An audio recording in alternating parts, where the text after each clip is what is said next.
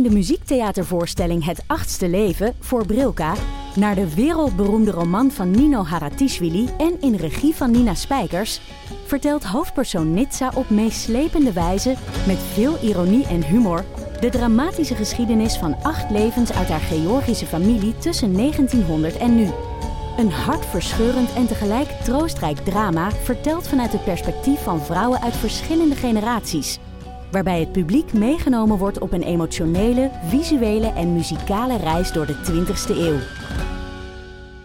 Koop je tickets voor het achtste leven via oostpol.nl.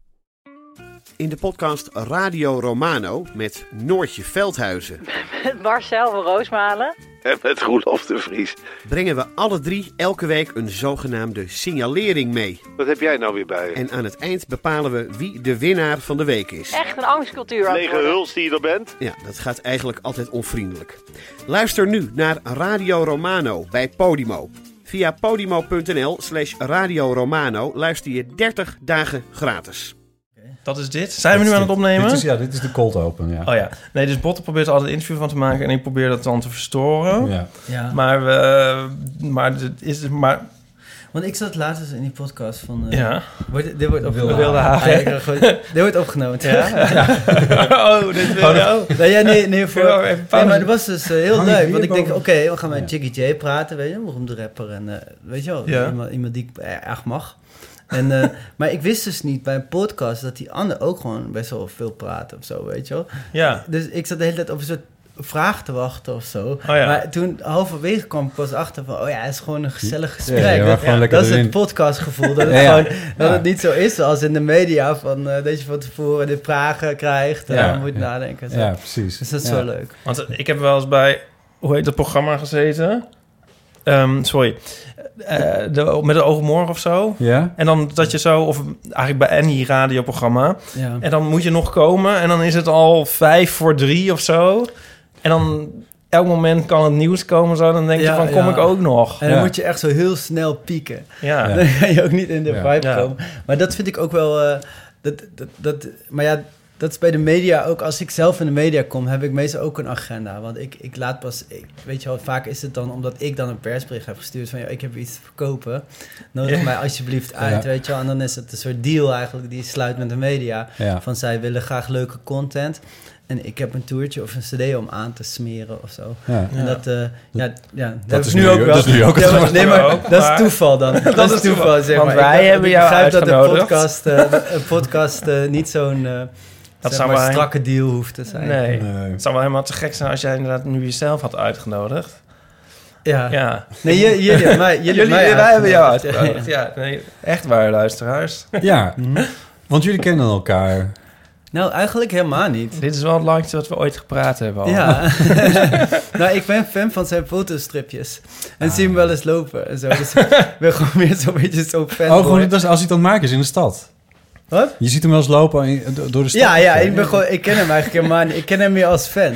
Oh, leuk. Kijk, Toch, we hebben nooit echt een Nee, gesprek gevoerd nee, of zo. Nee, ik, word dus, ik ben helemaal blozen. ja, maar ik heb wel... Want ik kwam net hier binnen, ik had echt zo'n knuffel. Zo van, oh my god, Ipe. Ja, nou was er ook wel iets bijzonders aan de hand. Er was meteen een goede klik tussen jullie, want jullie hadden echt letterlijk ook exact dezelfde trui aan. Dat is Ja. wel echt heel grappig. Oh ja, ja, ja, ja. de- ja, Bas Kosters. eh, Bas Kosters voor Cool Cool Cat. Cat, eh, ik krijg ook echt heel veel complimentjes op de, Ja? trui. Ik ben nu ook wel bang dat we wel onze eigen trui... eh, Ja? ik denk Dat door trui elkaar is Ja, is nou van jou? Ik weet welke van jou is, maar misschien wil ik die stiekem wel. Het Ja. verkeerd om. Nou, eerst, eerst ruiken, toch? ik heb nog geen, niet echt complimenten. Ik heb er nog niet heel veel aangehad. Ja. Ehm, Wij hebben elkaar ook een keer eerder ontmoet, cool. maar dat weet je waarschijnlijk helemaal niet eens meer. Nee, sorry, ik heb alleen maar Ipe. Ja, precies. Want dit was, dit was in mijn radioverleden toen... eh, Maar dit is echt al tien jaar terug. Toen ehm, werkte ik voor de AVRO. En toen waren we op uh, Terschelling om een programma over oerrol te maken. Met een hele club. En daar trad jij toen in op. uh, in dat programma. Oh ja. En toen ken ik je helemaal niet. En toen had je net toen, een tijdje met je gesproken. En toen vertelde je over dat je net een, een, de, de halve wereld over was gereisd. Uh, volgens mij. Ja, kan het goed. kloppen? Ja, ja, ja. Dat is het, wanneer was het? Tien jaar geleden? Ja, dus 2008 denk ik. 2007, ja. 2008. Sorry. Met, was jij presentator? Nee, nee.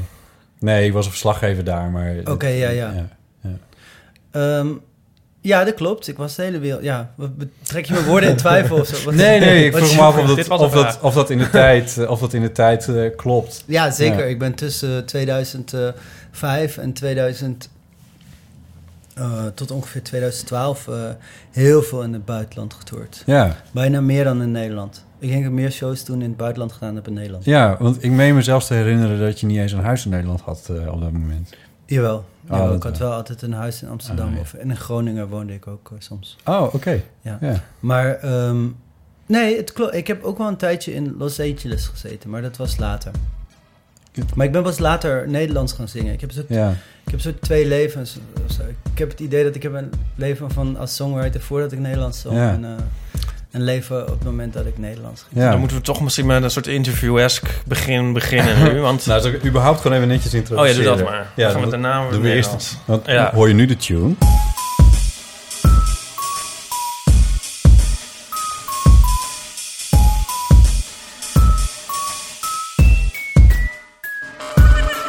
Welkom bij de Eeuw van de Amateur, aflevering 68. Met eh, deze keer natuurlijk weer Ipe Driessen. Hardo. En de gast is Lucky Fons de derde. Welkom ook. Hi. Eh, maar wat- nu ben ik er ook een beetje uit. Waar waren we nou? Nou, oh ja, over jij was in. Los Angeles. Oh ja, de Nederlands. Nee. Oh ja, ja, dat was het. Ja. Je had twee Nederlands, levens. buitenland. Je hebt me tien jaar geleden ontmoet en je trok mijn woorden in twijfel. Of Nee. buitenland- Nee, nee, nee. Maar, ehm, want wat, wat is, wat, wat, waar, jij ziet dat als twee eh, carrières. Je gaat ook niet meer terug naar het Engels. Jawel, eh, nu zit de laatste tijd zit ik een beetje te denken van... eh, ik mis wel een beetje tour in het buitenland. En ik was toevallig... Ik heb ook veel in Zuid-Afrika getoerd. En ik Hmm. heb net van de week toevallig een, een opname gehad voor een, een soort tv-programma... een Zuid-Afrikaans tv-programma... waar zij dan over singer-songwriters eh, hebben over de hele wereld. En ze kennen mij daar een beetje. Dus ze hadden mij gevraagd om erin te komen. En toen dacht ik echt weer... Toen ontmoette ik weer die jongen die het presenteerde... die kende ik dan weer als collega, toerende songwriter... En eh, Gert Vloknel was daar ook, die, sommige, die ook wel in Nederland een beetje bekend is. Ja. eh, zanger en dichter, Afrikaanse.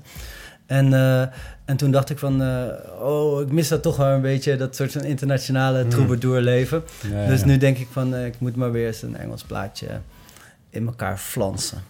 Alleen, Ja, maar eigenlijk dus alleen maar voor, voor een live on the road. Ja, ja, maar dat is sowieso... Of heb je zo- ook inspiratie in het Engels? Ja, nee, maar gewoon sowieso. Ik heb altijd het idee van optredens zijn zeg maar het belangrijkste van wat ik doe. Dus ook dat album maak ik eigenlijk ook al met het idee van dan krijg ik optredens Oh. of zo. Ja. Als, het niet, als ik niet zou optreden, vraag ik me af of ik ook albums zou maken. Hm. Oh ja. En als ik zou moeten kiezen tussen nooit meer albums maken of nooit meer optreden, dan zou ik nooit meer albums maken. Ja, ja. Ja. Want je vertelde Jonica iets over, geloof ik. Of is dat ook haar vraag? Dat weet jij al. Ehm, Dat jij wel eens liedjes speelde die je dan maar één keer speelde en dan waren ze een soort weg. Ja, dat klopt. Ja, nou ja, ja ik schrijf, nou, sowieso neem ik niet, schrijf ik meer dan dat ik Ja. opneem. Dus niet alle mijn eh, liedjes belanden op een, eh, op een album voor verschillende redenen. je- net, net als Prince heb jij zo'n hele kamer vol met... eh, ja, precies. Ja. En er zijn ook nummers op het album die ik nooit live speel. En dan heb ik ook nog dat ik soms inderdaad gewoon bijvoorbeeld speciaal voor één avond één liedje schrijf. Ja. Soms als commissie en soms omdat ik gewoon zelf denk van... Nou, ik, wil dit gewoon kwijt. Ja. Ja. over dit onderwerp, weet je. Want ik speel ook wel, wel eens van die thematische avonden. Binnenkort eh, op de eh, klimaatcomedy night of zoiets. Ook wel, weet je wel, of een soort Maar dan van- maak je dan bijvoorbeeld... Oh, ja, of een speciale... eh, we hebben laatst ook op een soort van ehm, dag van ehm, overkoepelende organisatie voor psychiatrische hulpinstellingen. En, en dan, weet je wel, dan maak ik gewoon speciaal iets daarvoor. Oh. Maar jouw plaat is sowieso heel divers. Dus dan zouden op zich zouden de liedjes over dat soort onderwerpen best wel op een plaat kunnen. Ja, dat doe ik ook heel vaak. Als het een speciale dag is waar ik speel, of het is een speel, speelonderwerp, dan probeer of een speciale thema of zo, of een speciaal festival met een bepaald thema. Eh, dan, eh, dan, ja, dan presenteer ik die liedjes wel zo in dat licht. Of ik selecteer ze inderdaad. Of ik heb inmiddels ook zoveel liedjes dat ik eigenlijk overal wel een nummer op heb. oh ja. ja. Dat komt me ook bekend voor. ja. Ja. En nog even over dat Nederlands en het Engels. Want de, de, eh, de- ik heb natuurlijk wel dingen over je opgezocht. En, in- en dan zag ik dat je eh, Engelse taal en letterkunde hebt eh, gestudeerd. ja. Want ik zat met name nog even te luisteren naar je, je laatste eh, album eh, In Je Naki. Dat is een Ne- Nederlandstalige songs. Ja. Waarin je in mijn oren nog soepeler door het Nederlands beweegt dan je al deed. Ik vind het taaltechnisch echt heel knap wat je, wat je op dat album uh, doet.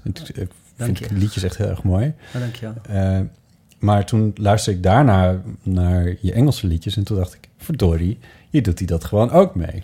Dan moet je wel een vrij goede beheersing van het Engels ja, hebben natuurlijk. Kijk, het, het voordeel van het Engels, tenminste dat, dat ik heb, is dat ik heb Engelse taal en literatuur gestudeerd. En je hebt in, in het Engels ook een traditie om op te bouwen. Bijvoorbeeld alle, al je favoriete, heel veel, de helft van, ja, meer, meest van je favoriete zangers zingen in het Engels. Al je favoriete dichters uh, schreven in het Engels. Al je favoriete romans waren in het Engels. Mm. Dus, dus je, zeg maar, als ik, het, als ik in het Engels schrijf, dan heb ik zo voor mijn gevoel een soort van... Uh, een soort, soort uh, een, een, berg eigenlijk uh, waarvan ik over uitkijk. En die berg is opgebouwd uit ja, ja. Uh, Bob Dylan en Woody Guthrie en zijn voorgangers. En Schouders van, waar je op kan Allen Ginsberg, William Blake, Shakespeare. Ja, dat idee. Dat je, je bent een soort toren en dan kan je je dan opklimmen. Of um, je, je hebt dat achter je. Dus, dus ik heb als het ware als, als, als maker heb ik toegang tot een soort berg aan die, die, die berg van traditie. En ja. dan kan je, en omdat je daar zo bekend mee bent, kan je ook heel erg, uh, ja, kan je gewoon bedienen van die technieken. Maar in het Nederlands heb je dat natuurlijk niet. Want ik weet niet zo. Ik bedoel, ja, wie, je hebt natuurlijk veel vaker Shakespeare gehoord dan, dan Vondel of zo. Tenminste, ik wel. En, ja, wel waar. Ja. En ik heb ook vaker Johnny Cash gehoord dan uh, uiteindelijk dan Jaap Fischer of, of zo. Ja. En, en dus in het dus in het Nederlands heb je dat niet eigenlijk. Maar in het Nederlands heb je dan weer toegang tot uh, spreektaal, uh, ja. tot je moedertaal, tot ja. de nuances van straattaal bijvoorbeeld. Ja. En, en, en dat is, dus, dus is wel een verschil tussen mij. Sommige mensen vinden mijn Engelse teksten beter, want die zijn eigenlijk uh, vanuit poëtisch opzicht, zijn die, zeg maar technisch gezien, zijn die preciezer. En uh, eigenlijk netter en klassieker. Mm -hmm, uh, mm. Maar het Nederlands is eigenlijk wilder en rommeliger. Ja, dat vinden ja, ja. andere mensen dan weer leuk. Ja, ik vond dat heel ja, Dat vind ik, denk ik. Ja, ja. Want, ja want als je, uh, zeg maar, mijn Nederlands in, in, liedjes is gewoon, ligt heel dicht bij het Nederlands van mijn spraak. En dat is, dat is eigenlijk rommelig en associatief en, en, en, en geïmproviseerd. Terwijl mijn Engels ligt heel dicht bij het Engels van de ja, van de romantische dichters waar ik zo van hou, van en, Wordsworth en Coleridge en zo. En verschilt het dan ook hoe zo'n tekst, hoe een, een Engelse of een Nederlandse tekst soort tot jou komt of uit jou vloeit? Mm, nou, het is meer. Het, ik heb niet. Uh, ja, of het tot mij komt of uit me vloeit, vind ik altijd een ingewikkeld iets. Het is hmm. meer dat het door mij heen vloeit. Dus het komt, komt en tot me en het gaat dan ja, door me ja, heen. En dan komt het ergens heen. Maar, maar is dat is, hetzelfde proces in het Engels en het Nederlands dan? Of niet? Jawel, ja, ja. En dat, dat is gewoon vrij, bij mij altijd een vrij werkmaat. Een soort van een, een heel erg ambachtelijk proces. Dus ik ga gewoon vaak voor teksten, ga ik gewoon de hele dagen in de bioscoop zitten en dan ga ik gewoon tikken en dan de hele tijd zo aanpassen. Het is niet, ik ga niet zitten wachten tot de bliksem inslaat. In de bioscoop? Want dat gebeurt bij niet. Nee, in de bibliotheek. Oh, oh bioscoop. Oh ja, oh, ja bibliotheek, ja. Ja, hoewel ik wel vaak in de bioscoop tijdens films en tijdens... Uh, uh, ook, ook bij andere concerten krijg ik heel vaak oh, ja, ja, ideetjes. Dan moet ik me zo heel ingewikkeld... Uh, ja. ja. Mijn schrijven zelf doe ik... Ja. Dan ga je doe, er, ja. Ja, doe ik gewoon uren achter elkaar op mijn computer, op de bibliotheek, ook zonder muziek vaak. Ja. Of dan heb ik soms wel een, in mijn hoofd een, een beat of een metrum of een melodie of zo. En dan schrijf ik daar een beetje op. Ja. En dan later puzzel ik het in elkaar met de muziek. Ja. Maar je leest dus ook heel veel? Uh, ja. Ja. Ja, ik hou van. Ja, het is nu wel, het is wel wat minder de laatste tijd, net als iedereen. Uh, hm. Ik denk dat, niet, ja, ik weet niet waarom, maar misschien ja. Netflix. Ja, zoiets of zo. En, uh, uh, maar ja, ik hou wel heel erg van uh, lezen, ja. En ik hou ook heel erg van gewoon ook wel een soort van nog steeds een soort van letterkunde studie of zo. Die, die gaat bij mij door. Ja, dus ja. Ik, ik lees ook wel nog boeken over bijvoorbeeld, weet je, bijvoorbeeld over verschillende dichtelijke met, met, metrie of um, over uh, interpunctie vind ik ook heel interessant. Ja, ik ben een beetje een taal, taalneurtje. Taalnerd of taalnatie? Taal, nee, nee, ik ben geen taalnatie.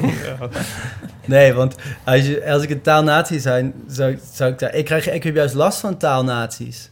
Omdat ik juist... Uh, alleen dat, omdat in, mijn, in mijn teksten In het Engels durf ik niet, maar ik zou het eigenlijk moeten durven. In Ja. het Nederlands zing ik wel eens iets wat fout is. Ja, weet ik dat- dat het fout is, maar dit is eigenlijk een soort van performance van iemand die boos is. Dus ik zing bijvoorbeeld ergens in een van mijn Nederlands liedjes, denk ik, wie denk je dat je denkt dat je bent? Oh ja. Omdat ik dacht bij mezelf, dat, dat is goed, want dat, zo praten mensen die boos zijn of zo. Maar ik krijg Als gewoon... mij hoorde ik ook een keer Ja, ja, precies, als mij en dat soort dingen. Maar dan krijg ik gewoon lange e-mails over Facebook hoor. van dat- Oh, wauw. dat klopt niet en zo. En dan ga ik, en dan ga ik ook heel erg pedant zo'n hele, zo'n hele lange e-mail terugschrijven. En kijk, als, want als ze heel lang zijn, die Facebook berichten van dit klopt niet, dat klopt niet of zo. Dan ga ik heel pedant een brief, die ga ik terugsturen, een bericht dat sowieso twee keer zo lang is. en dan helemaal vol met van die academische Ja. termen. Oh, dus dan zeg ik bijvoorbeeld van... eh, ja, eh, die herhaling daar is een soort... eh, ja, je moet dat als performatief zien of zo. Weet je. Gewoon lekker heerlijk. irriteren. Ja, vind ik heerlijk hoor. Ja, ja. Ja, ik krijg ook wel eens boze brieven over, eh, eh, over seks zingen. Ja. Expliciet en zo. Er zit, bij Eanaki zitten... Eanaki is dus een, eh, een plaat die eh, kinderen ook heel leuk vinden. Kleuters Oh ja, en zo. dat snap ik ook wel. Ja, want, ze, want weet je wel, die melodietjes zijn best wel gewoon simpel te volgen. Mhm. Het is wel toegankelijk muzikaal, denk ik. Ja. Eh, er staat maar- dan wel een maar nummer de op teksten- dat, dat heet Seks is leuk. Ja, dat is het nummer dat seks is leuk is. En, maar ik vind het eigenlijk heel goed, want dat is ook wel een belangrijk punt. Ja. Waarom zou je kinderen Ja. dat... eh, kan je maar beter gelijk Ja, het, is, het is ook niet onwaar, dat zou Maar- ik ook niet Ja, nee, nee, maar en sommige mensen hebben daar problemen mee met Linden met een E. Omdat die kinderen daar, daar bijvoorbeeld er zitten woorden in als ze ging staren naar haar kont en Ja. zo. Ja. En blijkbaar vinden kleuters dat heel heftig. Als, Oh als ze, zeg maar, dat, ze, dat het woorden, dan gaan ze helemaal los op. De meeste ouders vinden het wel grappig. Maar En ik happig. ouders die zeggen... dan heb je ook een kindvriendelijke versie van de plaat. En Oh zo. god. Dan krijg je ook weer heel lang essay over pedagogiek van mij. en. Wauw. Goed. Ja, en maar wat wel leuk is, ik had een keer zo'n vader die zei tegen me, ja, ik was aan het eh, aan een zandkasteel aan het bouwen, bouwen. En toen zei mijn zoontje tegen mij van, eh, ik heb mijn best gedaan, ik leek verdomme wel gestoord. Wat heb ik eraan als ik opgeblazen word? En had hij dus een liedje Ja. van mij gehoord. Ja. Dat vond ik echt vet. Ja, sterker nog, dat heb ik net gehoord. En dat is namelijk... Leugens. eh, ja, leugens, ja. Maar wat grappig. Ja, ja. Ik, ik, dit, ik heb trouwens dat ook een beetje met mijn strippers. Die vinden kinderen altijd heel... Of altijd. Veel kinderen vinden Ja, mijn ook snap leuk. ik, ja. En dan hebben ze zo'n boekje, maar dan staan Staat er er ook ook dingen in van... ja. En, maar dat, dat gaat dan eigenlijk altijd wel goed volgens mij. Als je het... Ja, maar ik Ja, bedoel, dat kunnen kinderen- Ja, maar ik vind het ook bullshit. Ik vind Ja. ook bullshit dat je kinderen alles zou moeten onthouden. Nee. Kinderen, mogen toch ooit een keer ja, maar, ergens je- iets horen. ja, maar kinderen mogen best over... Die kinderen Nee, zijn ook met wel. seks bezig. Alsof en met de dood. Ja. En dat soort dingen. Alsof, de, Alsof de, de wereld het niet sowieso tegen ze aangooit. Laten we wel wezen. Nee, dan En- kunnen ze beter van Iep en mij meekrijgen. Nee, ja, misschien wel. Ja, ja, Ja. Hey, we hebben... ehm, Oh nee, ik heb nog een vraag. Ja. Sorry, nu, ga je, nu doe ik het interview. ik, nee, door, ja. ik ga het Nee, maar nog één vraag. regelen. Maar geen haast, toch? Nee, wij hebben ook geen haast, idee. nee. Nou, Nee, we hebben ook nog rubrieken, dus. En dan, eh, Maar goed. Oh shit. Ja, maar je moet, geniet er nog even van. Nu gaat het nog over, helemaal over jou. Vind je dat leuk eigenlijk of niet? Oh, zo- ja, maar dit is dus het misverstand. Ja, maar dit Nee. vraag ik net aan jullie. Wat? Van, is het, ja, is het een podcast? Is dat een gesprek met z'n Ja, allen? is Of jullie gesprek mij ja. interviewen? Ja. Nee, we nu lijkt het net niet alsof ik een of Nee. alleen maar over mezelf eh, wil praten. Nee, nee, nee. Of zo. Nee. Nee, maar, maar- ik heb nog, nog wel een vraag. Je bent je muziek ook meer aan het gaan aankleden, zeg maar. Je bent zo naar het Nederlands Want ik gegaan. stel jullie geen vragen. zijn laatste album denk heette van- Ja, Is maar een dat komt Naki, zo. dus het klopt niet wat je zegt. Ja, Oké, Met het sorry, maar aankleden even van je. focus aan je vraag, op je vraag. ja. Sorry. Of eigenlijk, eh, ik, het is meer een zin en dan moet jij dan reageren. Je bent je, je, bent je muziek ook steeds meer gaan aankleden. En ik zei, Ja. zijn album heet In je Naki. Ja. dat klopt niet. Ja, maar, Ja. ja. Nou, lach even om een grap, dan kunnen Ja, ik hoor hem. Nee, oké. Ik heb hem gehoord. Oh god. Ik ben mijn muziek steeds meer aan het aankleden. Dat is grappig, ja. Dat is een goed punt. Ook wat jij zegt over Ianaki. Het is denk ik thematisch heel erg Ianaki, of textiel Ianaki. Maar Mhm. zeg maar muzikaal is het helemaal niet zo Ianaki. Het is heel erg aangekleed, zoals jij het zegt. Sterker nog, Eh, eh, en hondenfluisteraar zit vol elektronica en is, is opgebouwd ja, waar je ook weer een en beetje de draak mee steekt, heb ik het idee. Dat Ja. je heel erg opbouwt, maar dat die opbouw maar doorgaat en doorgaat en, en ook in een soort niks einde. er komt geen drop, is Ja, wat je bedoelt. Er komt komt niet de, beat klapt nooit in, inderdaad. Ja. Nee. En, eh, maar het is waar inderdaad. Het is steeds meer... ehm, eh, ja, ik... eh, ja, ik hoe, klopt, mijn eerste albums zijn echt heel sober. Eigenlijk alleen piano en gitaar. En dan komt er steeds, steeds meer bij.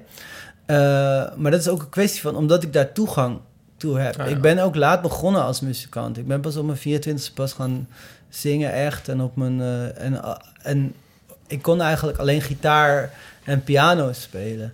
En eh, ik heb ook bijvoorbeeld, ik, tot voor het kort heb ik eigenlijk ook alleen een gitaar en piano als instrument. Dus ik heb Ja. sinds kort dat ik ook synthesizers snap en dat ik beats bijvoorbeeld leuk vind. En wat ook heel erg is, mijn luistergedrag is heel erg veranderd in de loop der Oh ja. jaren. Ik ben eigenlijk moderner geworden. De meeste mensen worden ouderwetser. Maar toen ik bijvoorbeeld 15 jaar geleden luisterde ik alleen maar naar bijna vooroorlogse muziek. eh, blues en eh, folk en dat soort dingen. En misschien ook wel een beetje jaren 60 folk of, of Mhm. Woody Guthrie of, of eh, Bob Dylan Ja. en Neil Young en dat soort zaken. In het Nederlands eh, Ellie en Rickert of zo. Of, eh, ja, oh, die of, noem je ook, ehm, hè? Ja. ja, Ja. of uh, ba ba. Boudewijn de Groot, Jaap Fischer. En dus dat was ook mijn referentiekader Ja. eigenlijk, die muziek. En je, ja, je, werkt, je, je werkt toch altijd onbewust... eh, ja, spreek je muzikaal de taal die, die op dat Ja. moment het dichtst bij je ligt. Maar... eh, Want krijg je dat vanuit je ouders dan mee of zo? Of?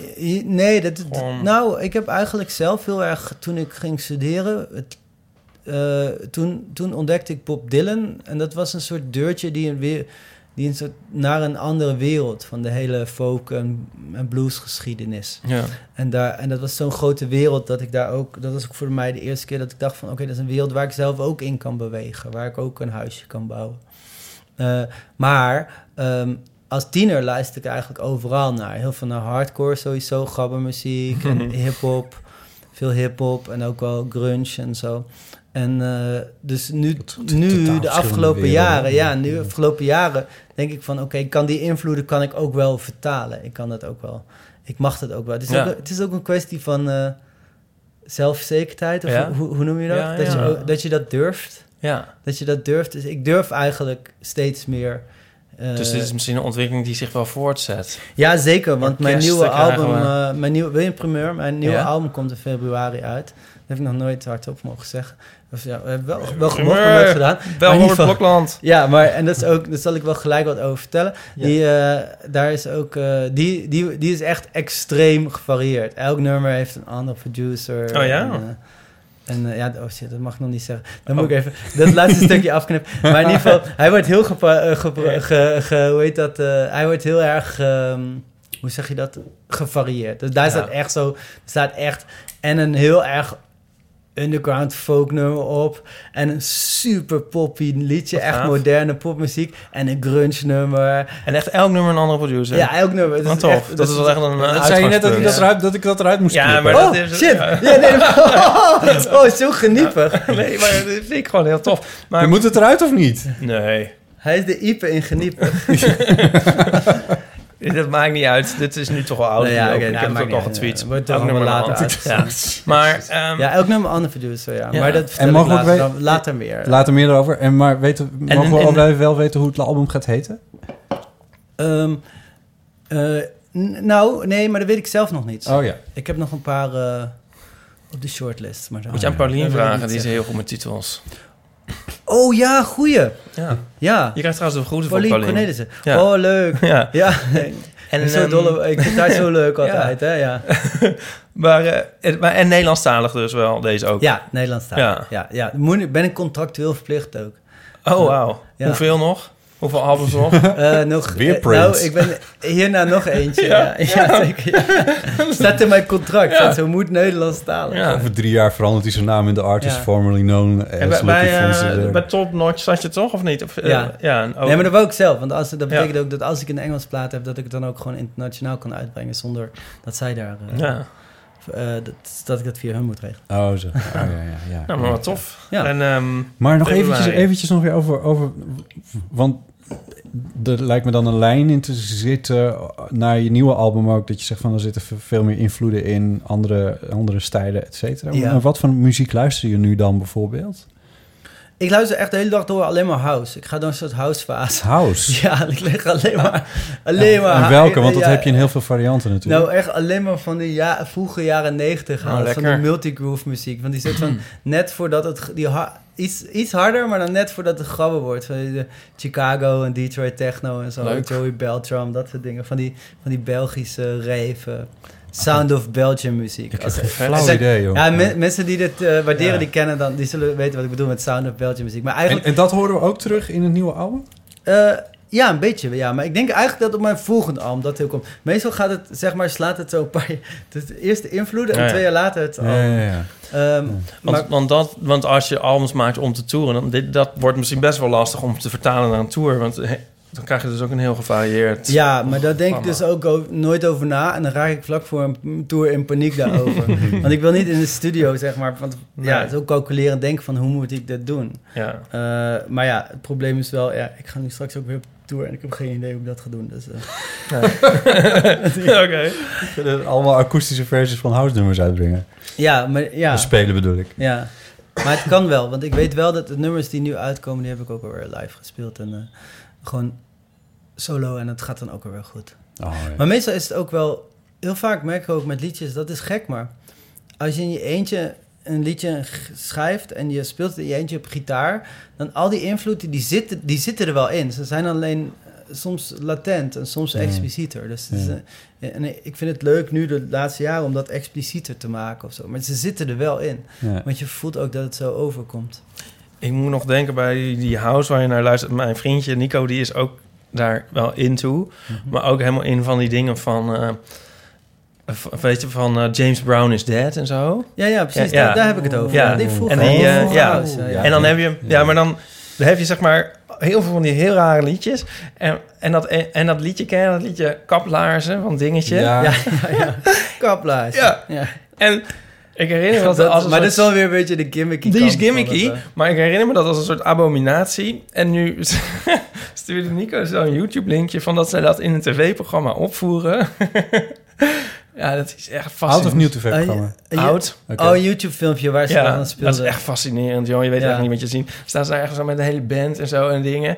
En dat nummer zit eigenlijk nog best wel goed in elkaar. Ja. Gewoon zoals ja, zo'n nummer, ja, wel een beetje standaard. Maar Ja, maar, hele- ja, maar heel veel van die producers, ik weet niet Die dat maken- gemaakt ja. hebben, maar die, dat waren eigenlijk heel interessante house producers, Ja. die dan op een gegeven moment een gimmick liedje hadden. Ja. Zo'n gimmicky was het dan de nummer 1 net, weet je wel. Dat is ook met Boeing zo, weet Boeing, je ik zou hem Wat net noemen, ja. En, ja. en, en, eh, en later is er dan ook wel weer muziek... Iets later, tijdens de gabbertijd, werd er ook wel weer muziek gemaakt... die en, weet je, die happy hardcore... die en, en gimmicky was en vaak slecht... maar soms ook heel goed, weet je. Zoals Ja. Vlam, Vlammen en de Braxis Ja, en eh, ja, ja, de Party Animals of zo. Dat is gewoon alweer heel goed gemaakt. ja. En, eh, maar ja, dit, dit is een soort Hollandse traditie, Ja. inderdaad. Maar ik hoor, ik hoor het nu echt totaal anders dan toen. Ik vond het toen, toen Oh ja? heel stom. Ja. Ik vind het nu echt geweldig. Nu vind je wel komisch. Ja, wat vond ik nou ook zo... Oh, ehm, ja, dat, ehm, maar dat is denk ik Duits. Ehm, maar dat is ook later. Nou, dat telt eigenlijk niet. Nee, laat maar. Nou, knip Ja. ik er wel uit. Maar goed, kaplaarzen. Ja, kaplaarzen.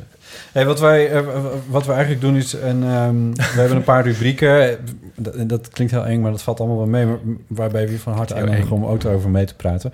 Maar een van die rubrieken is eh, bijvoorbeeld eh, ontstaan... toen ik eh, thee ging drinken tijdens het opnemen van, eh, van de podcast... en ik een eh, labeltje aan de thee zag hangen waar een vraag op stond. Oh ja. En daar hebben we eigenlijk een hele rubriek omheen eh, eh, gebouwd. En daar heb ik ook een jingle bij gemaakt.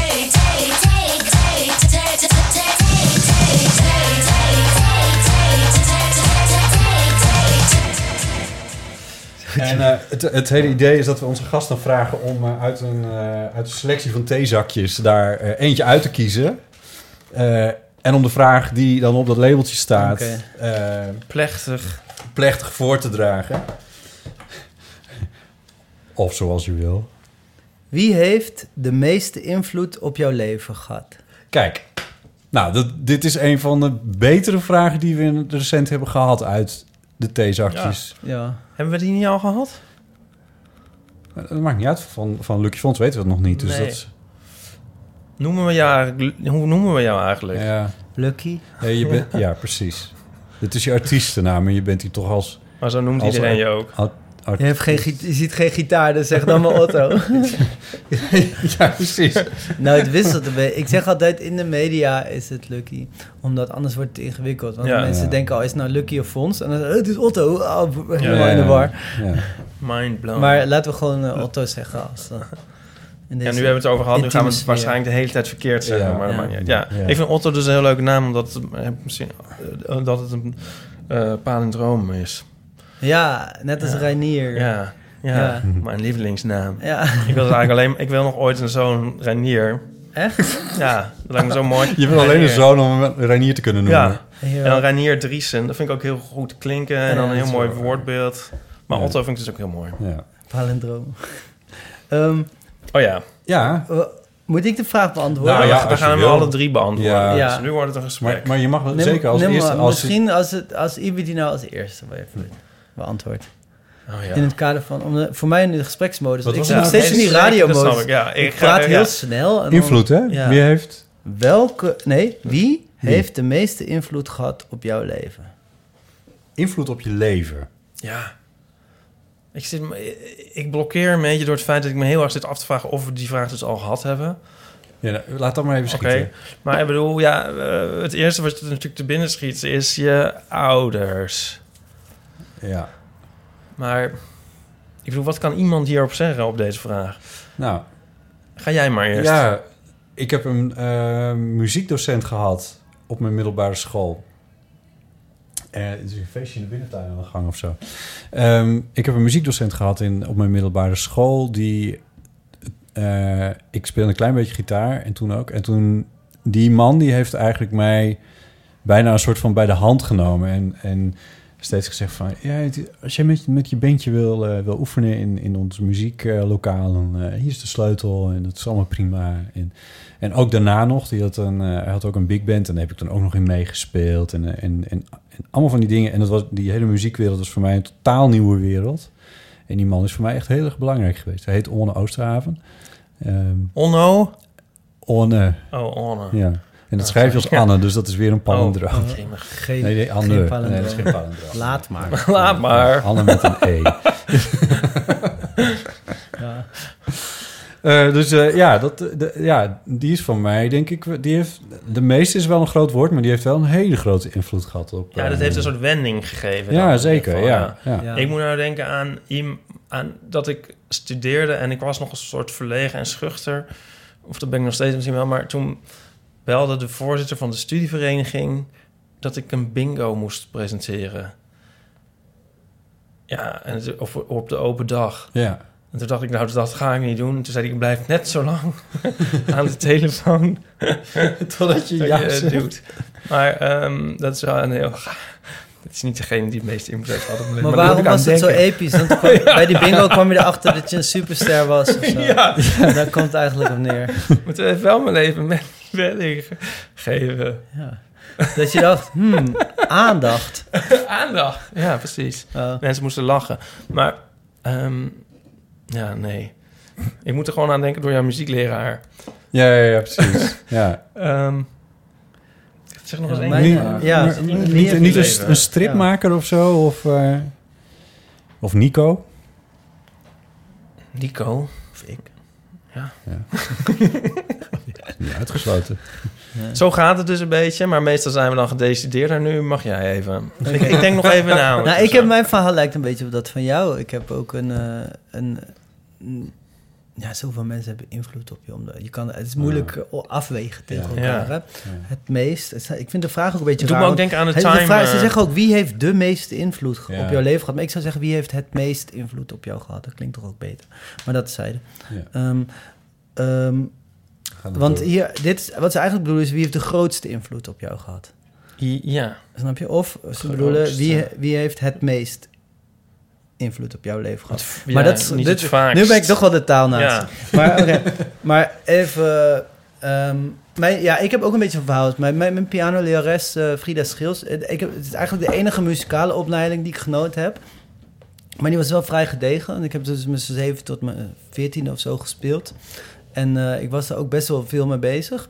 Klassiek Uh, piano? Ja, klassiek. Ja. En um, zij, zij had, voor haar was de, de lessen, zeg maar, zij maakte dat heel erg duidelijk aan mij dat, dat dingen vrijblijvend waren. Dat, zo van, je maakt de muziek uh, voor jezelf voor je lol, hè, of voor andere mensen, als die, om die de plezier om te maken. Maar het is niet een soort, het is niet zoals school of zo, waarbij je gewoon, dat, dat heb je gewoon nodig voor je maatschappelijke status of je maatschappelijke functie om geld te verdienen of je iets of zo.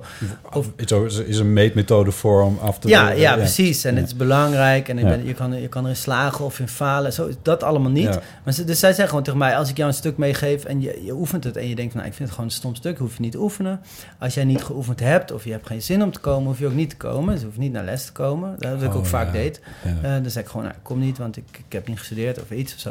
En uiteindelijk heeft dat mij zoveel... eh, Ja. Voor mij is muziek altijd zoiets, tot op de dag van vandaag, iets heel erg prettigs. Ja. Het is nu mijn werk, maar ik ervaar het nooit als werk. Nee. De dingen omheen en vaak wel het werk, weet je. Je moet eh, e-mails die je moet sturen of zo. Maar het muziek maken zelf... Hele lange e-mails aan Ja, mensen het muziek, over ja, het muziek maken voor mezelf is nog steeds zoiets ontspannen. Weet je, Ja. Ik kom, weet je als ik thuis kom van een Ja. tour of zo en ik ben een beetje moe, dan denk ik, hè, even muziek maken.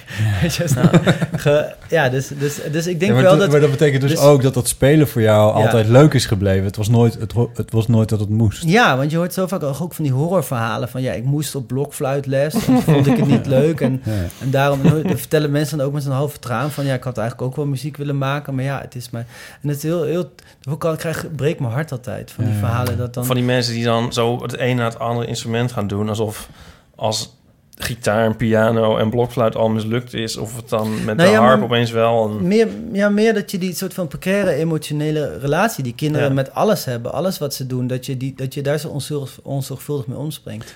Want zij heeft die... gewoon mij op een pad gezet, eh, waarin ik gewoon altijd, voor mijn gevoel, heel gezonde relatie met het maken van muziek heb. Ja.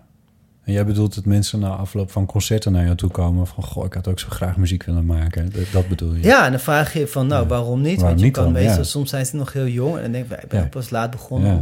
En gitaarspelen is ook eigenlijk is ook echt niet zo moeilijk. Veel makkelijker dan piano spelen. En dan kan je... Begin, ja. Ja, nee, maar... Nee, maar De eerste akkoorden, die heb je snel te pakken. Ja, Ja, precies. En dan kan je al heel eind mee. Ja, Dus ja, het is, ja inderdaad. Het is gewoon, maar, eh, en dan, maar dan zeggen ze wel eens van, ja, dan vertellen ze een soort verhaal, wat alsof het een soort trauma is, wat ze Ja. nooit overheen Ja. zijn gekomen. Van, ik moest, moest op blokfluitles en ik, ik vond het niet leuk. En dat is dan, ja, en dat is dan, ik snap ook wel dat het dan moeilijk is om over, overheen te komen. Want Ja. je bent zo... Je bent zo kwetsbaar en dat Ja. soort dingen. Als je als kind Ja. zo, dan als je een shitrelatie hebt, bijvoorbeeld met oefenen, ja. Wij hebben dan, dit met dan ga je sport. nooit oefenen. ja, ja, precies. Dat je, ja, dat, het, dat je ook echt iets hebt moet overkomen of zo. Nou dat komt ook nooit meer goed, maar goed. dat- ja, dat, je, dat ik zo moest dan op zondagochtend naar, naar een hockeyveld. Dat gaan verschrikkelijk. Ja. het is ook één groot trauma, maar goed. Ja, Ja, gym en zo. ja, ik heb het ook gehad. Maar Ja. ik ben ermee gekapt toen. Ik heb mijn 14 in mijn leven omgegooid. Ik heb er geen één keer gezegd, ik ga nooit meer naar, nooit meer naar hockey, nooit meer naar tennis, nooit meer naar school. Nee, ja. En niet meer naar school. en niet meer naar school. Ja. Echt? ja. Op je veertiende? Ja. En toen? En toen zei mijn moeder, ja, is goed. Maar moet je wel naar een andere school. Je mag wel van hockey af en dat soort dingen, maar Oh, je moet wel naar een andere school. ja. Mijn moeder ging daar vrij goed mee om. Oh. Hm. Omdat ze Oh. wist dat ik het meende. En je Ja, vader toen, niet? eh, oh, ja, oh, ja, Oh, ook oh. wel, weet ik niet meer wat hij ervan vond. Ah. Maar waar, want een andere school had betekend dat je minder met sport hoefde te doen of zo? Of, Nee, nee, nee, maar ik was gewoon, ik haatte gewoon school. En ik, had- ik was Ja. gewoon, dus, dus en toen dacht mijn moeder, misschien ligt het aan de school waar je op zat. Ja, En het, dat is het natuurlijk altijd ook een beetje. ja. Ja. Ja. Maar jij was dus al op jonge leeftijd wel heel gedecideerd. Ja, ik ben zo, ja. ja, denk het wel, ja. Ja, ik ben een vrij gedecideerd persoon, denk ik. Ik heb al een paar keer echt wel heel radicale levensbeslissingen gemaakt. Ah, ja. En, Wat is de laatste? nou... eh, Iedere track een andere producer. Nee, ja, dat is ja, dat, maar ook bijvoorbeeld dat ik eh, ik heb bijna een half jaar vrijgenomen vorig jaar, omdat ik dacht van ik wil mezelf gewoon allemaal dingen leren en een beetje rustig uh, rustig aan doen en niet overwerkt raken of zo. Dat is ook wel iets wat als het ja als het goed gaat. Ik heb echt de afgelopen jaren goed, echt mijn beste jaren gehad als uh, tenminste gewoon in cijfers dan Mhm. uh, als als als als muzikant. En toen dacht ik van, oké, okay, ik ga het gewoon nemen om vrijheid te kopen. Ja. Dat soort Oh, dingen. ja. en heeft dat je ook gebracht? Alleen op kleine dingen. In, in, zeg maar, op die leven, op, klei, op kleine dingen, zo'n supermarkt of zo, dan kan ik echt niet beslissen. Dus Oh, ja. ik ben heel goed in grote, grote dingen Ja, ja, ja. en heel slecht in kleine dingen. Nou, dat lijkt me de goede volgorde. Ja, weet ik niet. Oh, ja. Ja. Wat jij, Ipe? Daar moet ik over nadenken. Ah ja. Is dat een goede volgorde? Ja, of is dat... Nou, heel veel mensen denken ook helemaal niet over grote dingen überhaupt na of zo, denk ik.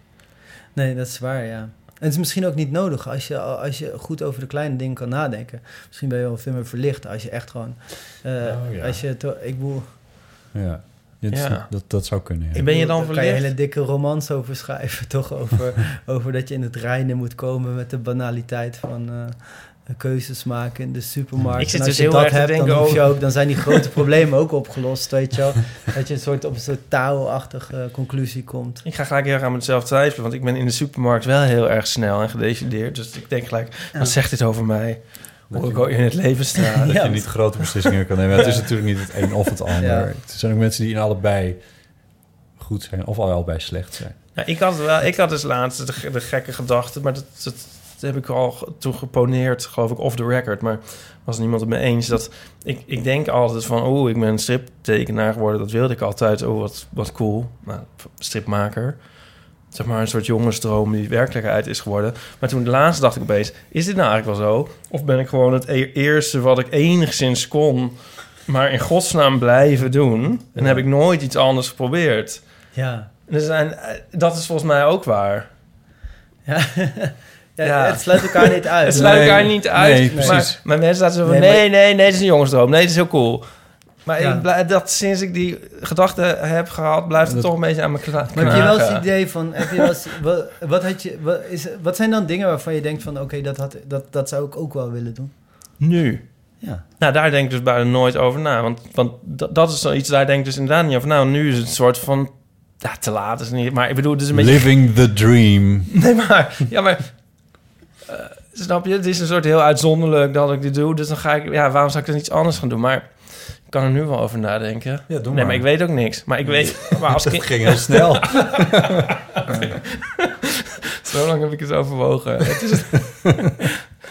ja, weet ik niet. Maar wilde Je jij... hebt toch ook heel veel artiesten die op een gegeven moment dan hun, hun droom waarmaken, als het ware. En dat doen ze dan gewoon acht jaar. En dan, of tien jaar of zo. En dan in één keer gaan ze gewoon iets anders doen. Wat gewoon echt gewoon er klaar mee zijn. Heb je daar veel artiesten die dat doen? Nou, in de muziek wel. In de Ja? muziek, Ik merk in de muziek heel vaak dat, dat, film, dat, dat er niet zo heel veel muzikanten eigenlijk echt zo lang achter elkaar gewoon dat het echt hun leven is of zo. Hmm. Omdat ze ook, weet je wel, ze blijven altijd een goede relatie hebben met muziek of zo. Maar ja, Mark, Ik- Mark White van ABC is yo- yoga-leraar sinds I know. 1992. Weet je wie ook yogaleraar is? Want die heb ik laatst ontmoet. Eh, of die is mindfulness eh, en Ja. zen, zen coach. eh, Charlie Lonois. Oh ja? Van Menti- ja, Ja. want dat was echt superleuk. We waren op Lowlands. En toen zat ik in een soort show met hem. En dan ging hij dan praten over, over mindfulness en Ah, ja. zen en zo. Oké. ja, en dat is Ja. echt, was een hele leuke man. En hij... eh, En jij zit naar zijn muziek Ja. te ja, dat is luisteren. hartstikke... jaren. ja, Maar is er soms niet ook de... Zo gewoon dat het succes ophoudt, zeg maar. En dat het ook in veel gevallen een soort noodgedwongen is. Dat ze iets anders gaan Ja, en ik denk ook dat sommige mensen eh, niet... Ik denk me- als muzikant, je kan bijna alleen maar geld verdienen met optreden. doen. Ja. En niet alle muzikanten vinden optreden even leuk. Nee. Nee, precies. Dat Vroeger is- kon je nog geld verdienen met het maken van een plaatje. En dat Ja, is natuurlijk nu wel precies. af. Dus dat is het verschil. Ja, ja, ja. Maar ik weet niet hoe dat met striptekenaars Nee. is. Nou Ja, ja, met dat- fotostripmakers. is het weer lastig dat die Doe je niks anders als, aftakelen. strip, als, als fotostrips maken? Ja, en Nee. radio maken of eh, podcast maken? Nee, nee, Nee? nee, Gek genoeg. Nou, hier wordt die steen rijk van. Dus dat, eh, Ja. Ja. Eh, ja, zeg ik ook nog. Nee, maar ik doe niks anders. Nee. En... nou, je treedt op met fotostrips in de landen. Treed op. Ja, nou ja. Je, Ja, je, doet, je maakt ze dan live. Ja, Ja. dat Ja. is wel... Een, Ja, maar dat is ook Ja. wel eh, hetzelfde werk ongeveer. Nou ja, maar goed. Ik bedoel, dat is ook een soort van optreden. Nee, maar ik zit ook te denken dat... Ik zit nog te denken... Als, wat jij zegt, van, het kan natuurlijk ook heel erg te maken hebben met succes en zo. Dat als je, op- als je heel beroemd wordt of zo en echt heel succesvol met muziek... dan verandert je leven natuurlijk ook op allemaal manieren die Ja. misschien... eh, kijk, dat zal je als stripmaker niet zo snel hebben. Je wordt niet zo snel... Nee. Nee, maar denk jij nooit van was ik maar tuinman of zo? Of eh, zeiler? Nou, dus, dat- een- Zaalmeisje. Of een ander beroep. nou, dus laatst dacht ik van... ehm, ha- moet ik dat niet eens gaan denken? Toen ik dacht van... Ben, ik- heb ik eigenlijk ooit wel... Ooit Moet ik zo van... Zou ik niet... Zou ik niet... moet gaan nadenken. Ja, maar, hey, maar dit is een soort meta-bezorgdheid. Van, zou ik niet meer moeten twijfelen? Ja, Hmm. nee, maar ik dacht dus... Weet je wel? Heb ik, zou ik niet... Heb ik, heb ik wel genoeg zorgen? Dit is, Ja. Nou, het kwam denk ik door dat... Nee, maar ik dacht dus van, is het nou een jongensdroom of ben ik gewoon blijven hangen in het eerste wat ik zo, zomaar kon? En toen dacht ik van, hoe zou het zijn als ik ja.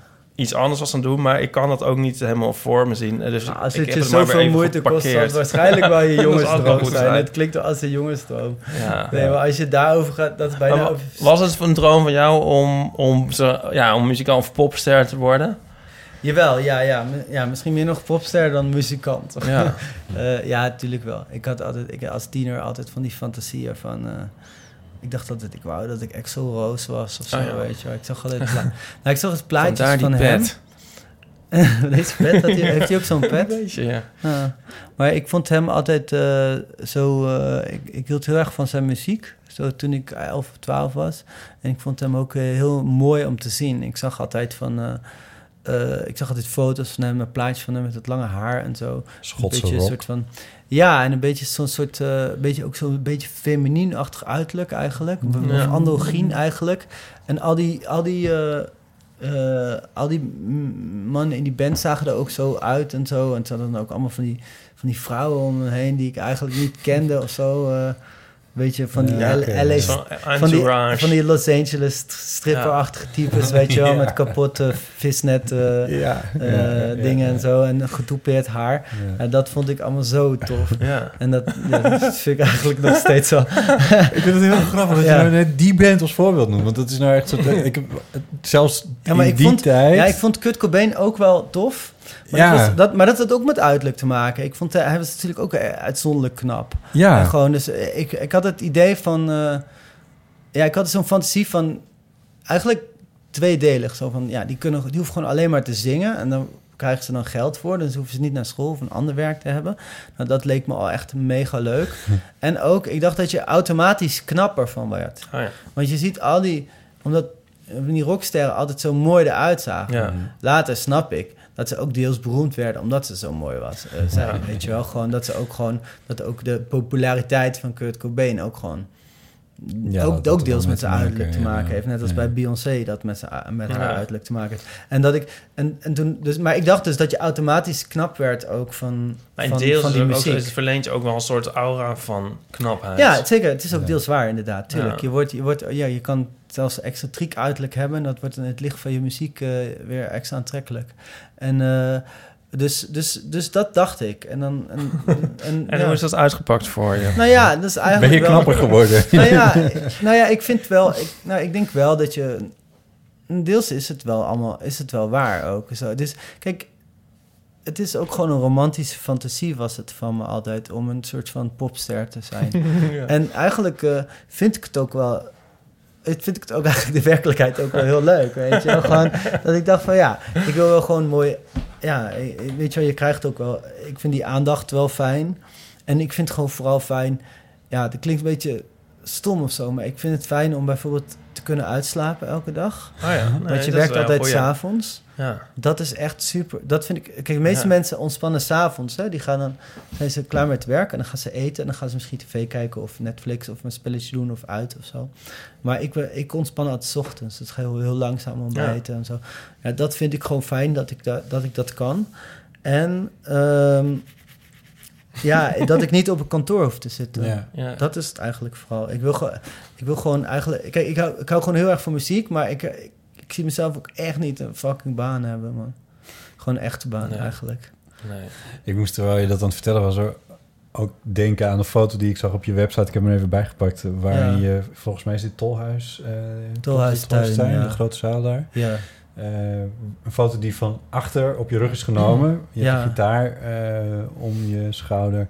En een publiek voor je een volle zaal. Met een, eh, met Ja. een balkon ook nog helemaal vol. ja, heel enthousiast publiek. Gillende Ja, meisjes. Maar dit is, dit is...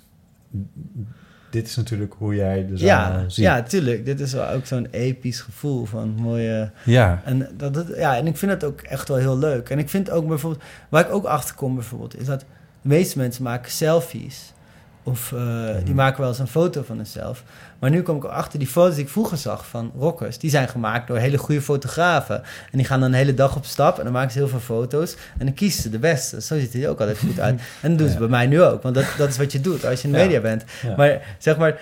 Dat, dat soort dingen, dat besef je allemaal pas als je echt letterlijk pas... als je- Daar denk je niet over na, weet Nee. je wel? Dus jij vindt dat het nog leuk... Want er was toch ook een heel ding op Twitter over interviews geven aan bladen van Jordina Verbaan en zo. En eh, dat zeggen sterren altijd. Oh, ik vind het zo vreselijk om interviews te geven. Ja. En oh, die uitputtende fotoshoots. Oh nee, we moeten videoclips opnemen. Oh, Ja. erg. Oh, leven in hotels. Oh. ja. Maar jij vindt dat gewoon leuk.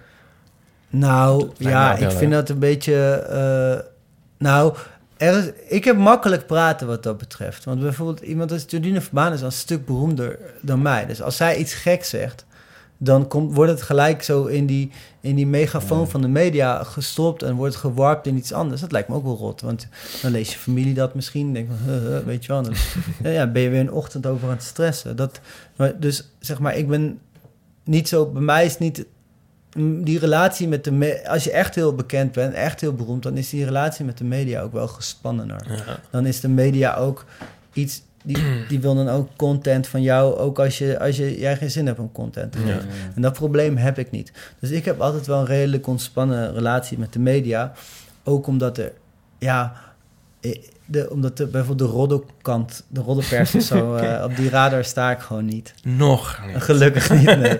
Nee, Nee, ik weet niet wat daarvoor nodig zou zijn. Nou ja, je hebt een hit gehad en je, je zat in de wereld eruit door heel Ja, regelmatig. ja Dus- nou, ik denk wel dat ik zeg maar, de- mijn soort van C of B-level beroemdheid zou er wel genoeg voor zijn. Maar je moet dan ook nog iets extra's hebben, een relatie met, eh nou, Georgina of zo, weet je wel. Gewoon, snap je? Of, Ja, eh, zouden sommige... Ik denk dat er zijn natuurlijk ook sterren die dat gewoon zelf wel opzoeken, denk je niet? Nou ja, het is ook een baan, hè. Het is natuurlijk Maar jij begon baan, net van jij- van het genereert je, het genereert ook weer voor andere mensen is het Ja. ook, ook belangrijker. Dus het is ook een baan en een spel. Maar ik vind, ja... ja Want jij begon te zeggen net van... eh, ik, heb altijd, ik, ik schrijf de media aan als ik iets te pluggen heb, zeg maar. Ja, precies. Dat- ja, precies. Want ja, dus, dus en, en zij bellen mij ook, maar niet heel vaak of zo. Alleen als er echt iets is waar dan ik heel specifiek voor ben of zo. Ik- Maar je zou de story of, kunnen toen, bellen toen van, Leonard eh, Cohen was overleden of, of, of, Ja, of, ja. Ah, ja. ehm, Ja, of toen eh, Bob Dylan de Nobelprijs won of zo. ja. En dan, maar in principe is, ben ik gewoon een soort van. Meestal, mijn, mijn relatie is met media is als ik, als ik weer iets te koop heb, dan stuur ik zo en dan zeg ik overal. Maar, Dus je kan de story bellen van... ik heb een nieuwe vriendin en in februari komt een nieuwe plaat uit. Ja, maar het boeit ze niet, tenzij de nieuwe vriendin eh Georgina Ja. is. Of, of iemand die gewoon... Want daar ben ik dan nog net niet eh, bekend genoeg Ja. voor of zo. Ja. Ik denk niet dat... Luc, er zal nooit staan... Luc Fons heeft eh, dit of dat gedaan. Of het moet iets heel extreems zijn of zo. Ja. Of gewoon, gewoon iets wat zo maf is. Zeg maar, kijk, bij Douwe Bob of zo... Ik denk dat als Douwe Oh, ja. Bob een nieuwe relatie heeft... Dan, dan, dan kan dat wel in de privé. Maar, als, eh, maar met mij niet... Tenzij die relatie de beroemder is dan mij. Tenzij het Douwe Bob is. Ja, tenzij het Douwe Bob is. Ik, ja, in Seks is Leuk zing ik over seks Ja, met Douwe Bob ja. ook. Oh, oh oké. Ja. maar ik denk dat hij het niet leuk vond of zo. Want ik, Oh? ik weet niet, ik, ik kan heel goed met hem opschieten of zo, maar hij heeft daar nooit wat over gezegd. Nee? Terwijl hij moet het toch weten. Ja, ik weet niet. Ik denk dat ik het wel zou opmerken als iemand een liedje zou schrijven over Hij heeft, het zeker, hij heeft het zeker goed. Nou, het is, hij wordt, nou hij, hij wordt genoemd. Het gaat over. Voor de mensen die Disney niet kennen, seks is leuk. Het is eigenlijk gewoon een opsomming van plekken en manieren waarop je seks kan hebben. Ja. En het zijn wel bij elkaar wel 150 eh, dingen of zo. en waarvan eentje dus dan kom je is. al gauw op met- Bob. Ja, eentje is dus. ja, in een hutje. Ik zing dan in een hutje op de bergen. In een hutje op de bergen. In de touwen op de top. Met mijn verjaardag zonder kleren met de zanger Douwe Bob of zoiets. ik weet niet, een beetje zoveel is. Ik weet het ook niet. Maar hij moet het gehoord hebben. Maar ik denk niet dat het leuk vond. Geen reactie. Ja. Nou, Douwe Bob, als je nou luistert, Als laat het even weten. Ja. Ik ben wel eh, dol op hem, gewoon hoor. En eh, ik vind hem wel echt een leuke gast. Ik, ik zing ook niet voor niets dat met hem dan seks is of Ja. zo, weet je wel. Niet, niet, gewoon, niet dat het toevallig nou rijmt of zo, weet je wel. Ik snap wel dat andere zangers moeilijker te rijmen is of zo, maar... Maar, maar zeg maar, ik had niet gezongen als, als ik dan niet ook... eh, Uh, als ik niet ook wel een beetje wou. Right. We Nou, nu dit nou, als, nou, als dit nou toch niet de privé heeft, sorry. ja, weet ik weet, niet ik- weet ik het eigenlijk ook niet meer. Bier. Hey, wij hebben een... eh, oh, dat dacht ja, ik net ook. Ja. Ja, Jeetje. het- pak gerust. Eh Ipe zei, in het kastje boven, daar staat eh, misschien nog wat eh, nog niet in de... eh hoe heet het? Hele zinnen. Wat nog niet in de magnetron staat. Ja, als je dat nou eventjes... eh, ja, dan... Hey, eh, Sja, spreek je nou van de zijkant in die microfoon? ja, dit is een andere. Oh ja, oké. Dat eh, ja, dat is heel verwarrend. Daar, ga ik ooit, da- daar kom ik nog wel een keer op terug, denk Dat ik. had je even verstopt voor als eh, Alexander en Ernst Jan langs zouden komen. Nee, ja, nee. Ik, anders staat mijn, mijn koelkast vol met, met bier. Dat is ook... eh, Dat geeft een verkeerd signaal. Ja, en nee. hey, we hebben ehm, ook in de, in de diverse media's laten eh, weten dat je langskomt. En ehm, dan kunnen mensen eh, bellen met een telefoontje wat wij hebben. Ehm, dat is deze. Dat, is de, de, dat noemen wij de, de eeuwofoon. Oké. Ehm, en daar zijn... eh, oh, dus weer, oh dus we hebben nog wat gemist ook. Nou, dat lukt niet meer hoor. Dat is toch te laat. Maar er zijn, eh, zijn een, een paar vragen eh, voor jou binnengekomen. Waarvan ook een paar op de telefoon. En nog een paar... we hebben nog een flink aantal berichten ook nog op de post gekregen. Dat gaat wel en niet over jou. Maar, maar laten we eventjes naar die rubriek gaan. Daar heeft Ipe de eh, tune van Ja, gemaakt. dat is echt belangrijk. 06 1990 68 71. Maar u kunt ook de plaatselijke politie bellen.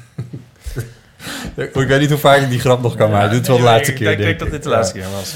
Ehm, we gaan even luisteren naar... eh, Is dit anoniem? Eh, nou, voornamen doen we meestal. Ja, ja. als mensen het niet willen, dan niet. Maar dit was Dennis. Hoi, Botte, Ipe en Otto. Dennis hier uit Nijmegen. Dat inderdaad ooit wel gebombardeerd is, maar hè, wie houdt dat allemaal bij? Hoe dan ook, ik ben een groot fan van zowel jullie podcast als van Otto. En ik heb een vraag voor Otto. Otto, de laatste keer dat we elkaar spraken, afgelopen zomer, hadden we het over metrum. En had jij een schitterende theorie over hoe Migos ervoor gezorgd heeft dat we nu limericks kunnen rappen. Ik denk daar ze er best wel vaak aan. En ik heb er ook heel veel met mensen over. Dus ik vroeg me af, zou je dat nog één keer willen uitleggen? En vooral ook voordoen? Het is niet zozeer dat ik het vergeten ben, maar jij vertelt het veel beter. En dan kan ik het aan mensen laten horen. Plus, als je dat nou in de podcast van Bot en Ipe doet, delen we dat plezier meteen met duizenden. Oh, en Bot en Ipe, als jullie ooit een schoolreisaflevering in Nijmegen willen opnemen, leid ik jullie graag rond, mocht daar behoefte aan zijn. Bedankt voor de nu nog wekelijkse podcast. En eh, veel plezier. Ah, wat... En Dennis belde nog een keertje terug. Ja. Ja, hoi, nog eens met Dennis. Ehm, ik realiseer me nu dat het een beetje klinkt alsof ik Otto een trucje wil laten doen. Dus eh, Otto, als je het niet wil doen, moet je het vooral niet doen. Ik zou er gewoon oprecht veel ple- plezier uit halen. Ja. Maar eh, hè, het is niet de bedoeling dat je een circusaapje wordt. Oké, groetjes, doei. Eh, dit, is, eh, dit is Dennis Gaans. Of, eh, ik weet niet of zijn naam goed uit... Ja, Dennis Gaans, toch? Eh, de, de, de, de dichter. Beroemde dichter. Ook voormalig Ah, stadsdichter van Ja, hij zei alleen. Dennis, dus dat, dat wist ik dan niet. Ja, ja, ja, precies. ah. Een hele goede, een hele, een hele, hele goede dichter.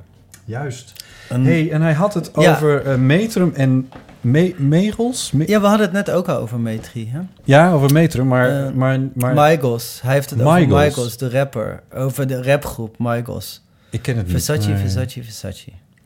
Oké. Oké, nou, Ja. dit is echt fucking ingewikkeld. Eh, maar ik ga het gewoon doen, oké? Zoals ik al zei, van, je hebt dus in het... Je, je, je hebt verschillende... een- eh, Oké, een liedje heeft een metrum. Ja. En een gedicht heeft een metrum. Ja. Huh?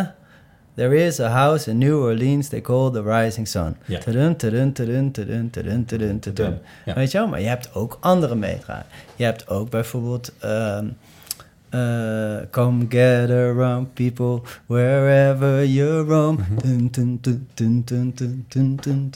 Zoiets is, ander, is al een ander meter, dat hoor je, weet je wel. Dus het is lang, kort, kort, lang, kort, kort. Of het is Drie lang, kort, kort ja. of kort, lang, kort, lang, kort, lang, kort, lang. Oké, nou goed. Eh, we kennen ook, eh, je hebt heel veel voorkomende metrums Weet je metrie... bijvoorbeeld. metra, ja. Bijvoorbeeld metrie, metrie moet ik zeggen. Oké, kijk. Bijvoorbeeld in, in, in Shakespeare is het... eh, heb je de jambische pentameter. Dus if music be the food of love, play on. Weet je wel? If music be... Tudum, tudum, tudum, tudum, tudum. Vijf Mhm. keer tudum. Ja. Dus dat is... Mhm. eh, een jambe is tudum. Mhm. En dat dan vijf keer. Tudum, tudum, tudum, tudum. Dus tudum, tudum, tudum, tudum, tudum. Snap je dat nog? Ja. Dus if music be the food of love. Oké. Nou, zo heb je allerlei... Alle dichtvormen hebben de eigen metrum. En er zijn natuurlijk allemaal termen voor. eh, om, dus gewoon om dat metrum dan te noemen. Dus je hebt Is haiku ook zo'n... ehm, Ja, zo'n- dat is ook, ja, dat is ook een voorbeeld, inderdaad. En ehm, nou, haiku is meer een, een dichtvorm. En Ja. dat heeft dan een bepaalde, wel een wel een vaststaand metrum, metrum. ja, maar dat is dan bijvoorbeeld één regeltje zo metrum, één regeltje zo metrum, één regeltje zo metrum. Ja. Maar dat heeft er wel mee te maken, inderdaad. Maar metrum is echt het ritme van het, het Mhm. weet je, van het... ehm, en eh, het is het ritme van de taal. Ja. En nu heb je ook... eh, sommige metri komen vaker voor dan niet. Dus bijvoorbeeld het, de, het metrum van The House of the Rising Sun. There is a house in New Orleans, they call the Rising Sun.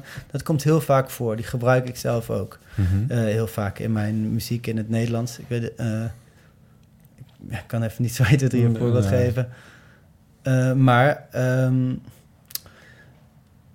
ehm, op een gegeven moment dacht ik van, je, je, je, bijvoorbeeld, je kent het limerick. Van er was dus een meisje uit. En dan is het dus. Snap je? Dus dat is er was een meisje. Ja. Oké. Dat, hey, dat is de. Uh, het, de, de amphibrach amfibrach. Zo dat. En eens amfi, net als een amfibie. Het is kort, lang, kort. Alsof hij twee pootjes heeft als een amfibie. Ah, Ja, oké, oké, zo, kan je- ja, zo kan je het onthouden. Het is amfibrach. Dus die, die kennen we, en die kennen we dus vooral uit, uit, het, uit, uit, de, uit de limerick. Weet je, er was dus een meisje uit ding. Oké, dat is het metrum, de amfibrachische metrum. Nu, Ja. dat metrum is echt heel erg, eh, ja, wordt niet zo vaak gebruikt, want weet je, het loopt niet echt lekker of zo, weet je wel. En het, het, het- weet je wel, limerick, een beetje, ook niet echt meest spannende of zo. en, en, maar er is een nieuwe manier van rappen die heel populair is. En die is gepopulariseerd ook door de groep Migos. En het bijzonder de rapper Quavo. En dat is dit rap. En je hoort het, je herkent als ik zeg van... Mhm. En hun grote hit was Versace, Versace, Versace, Versace.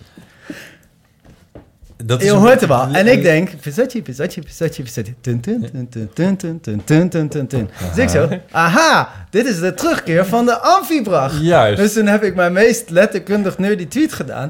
ik zeg van, jongens, eh, dankzij Michaels, de rapper Qua- Quavo, is de amfibrach weer terug in de, in de, in de dichtkunst eh, weer heel populair is. Want al die rappers doen dat nu, hè. Het zijn, Oh, echt? zeg maar, ze, ja, je zou het ook als een soort triolen kunnen horen. Dus Ja, ja. eh, weet je wel, dus, Ja, dus dit drie ritme... of vier. Weet je wel, maar het is eigenlijk... Dus die amfibrach, want het is kort, lang, kort, kort, lang. Het is Mhm. niet 1, 2, 3, maar kort, lang, kort, kort. Kort, lang, kort, kort, lang, kort, kort, lang, kort. Dus ik had toen gezegd, haha, kijk, wat leuk. Ja. De herpopularisering van het, eh, dat lemmerritme wat we kennen uit de limerick. en dat dan eigenlijk dus op een wonderbaarlijke manier heel goed in de muziek past. Want het is heel tof om zo te horen rappen. Ja, natuurlijk. Nou, dat had ik dus gezegd. En Dennis Gaand, eh, die dus ook een liefhebber is van, de, van le- eh, taalkundige en letterkundige nerdje, nerdshit of zo, die vond het leuk. Dus ik hoop dat... Ik hoop dat ik het goed heb uitgelegd, want dit is echt fucking complexe materie. Ik begrijp het. Je ik begrijp het het ook wel? Ja, Ja, het, ja. Is, het zou natuurlijk heel leuk zijn om, eh, om, om, om er nog een paar voorbeelden... eh, Nou, ik zit een beetje mee van eh, dat Limerick, die plaatsnaam in het Limerick, die, die kan het, het metrum natuurlijk aardig opfukken. Als je zegt, er was eens een, een dame uit Vlissingen, dan is het al Ja, moeilijk. ja, ja, precies. Ja, maar dat, dat klinkt ook moeilijk. Ja, Maar dat er ja. was dus een dame uit Vlissingen. Maar je kan het... Ja, ja, Ja, dan kan je een beetje smokkelen. Ja, ja, ja. maar ook niks op het Vlissingen, dus dat maakt ook niet maar, uit. eh, ja, maar het, het smokkelen is juist interessant. Want je hoeft, Ja. het hoeft niet, zeg maar... Het mooie is juist... Want eigenlijk het allermooiste is... Als je, als je zeg maar niet eens dat ritme hebt, maar je ervaart het wel. Want bijvoorbeeld Shakespeare, dat kennen we allemaal, van die lange monologen. Dat is allemaal in heel, precies in een ritme. Terwijl zo ervaar je dat niet echt. Ja. Eh, en, en, maar ik denk wel dat je op het diepe level ervaart. Die taal heeft zo'n mooi ritme. En dat, dat vinden mensen dan leuk Ja. of zo. Ja. Maar als je het, want als je Shakespeare leest ook, dat heb je wel eens gezien. Het zijn allemaal precies die, die Ja, dichtregels. zijn allemaal, die, het zijn allemaal even lang. ja. En eh, terwijl als je een soort praat, zijn het gewoon hele, hele zinnen. Ja. ja. En, eh, maar ik vind het dus... eh, ja, sommige mensen vinden het echt oerzaai. En dat snap ik ook wel. Maar ik vind het echt super interessant. Want het, het, het, het is echt heel dicht ligt dit bij waarom een tekst werkt of niet. Ja. Wat je ook zegt net over van... eh, hoe, als je nou over Vlissingen wil hebben, hoe ga je dat er dan in fietsen of zo? Breskens. Dat zijn voor mij, ja. Maar ja, ja, precies. Weet je wel, Leusden is makkelijk. En was dus een meisje in Leusden. Weet je wel, maar als je het al een omgekeerd... De, de, de- dat heeft ook al de klemtoon op die ene Ja. en op die eerste. Maar hoe je dat dan erin vindt, dat is juist zo interessant. Ja. Want je wil zeg maar, die, dat ritme wil je niet kwijt. Net als in de muziek. Je wil het ritme niet kwijt, maar je wil het woord er wel in. Dus dan moet je kijken hoe je dat dan, de, of je dat omheen kan doen. Als ze zo jazz spelen, iets later of zo. Dat is dicht. Dan ben je echt bezig met tekst dicht. Ja, maar het is wel leuk dat je het zegt. Ja, zei je dat nou net over een specifiek liedje? Dat, dat, dat Lucky daar tijd in- naar het struikelen was, zeg maar. Ja, maar het niet, maar niet valt. Ja, ik ga daar super vrij mee om. Ja, maar dat is dus een beetje... Ja, Ja, maar dat is heel, heel ja. Ja, maar dat is dus het maffe. Want ik krijg soms ook wel eens kritiek van mensen... van ja, hij propt gewoon maar allemaal woorden in elkaar. Terwijl het klopt niet. Want ik ben juist iemand die heel erg Ja. metrisch vast is... maar er vervolgens heel vrij mee omgaat. Ja. Maar het is ook weer geen vrije regel... waar je gewoon, zeg Nee. maar gewoon...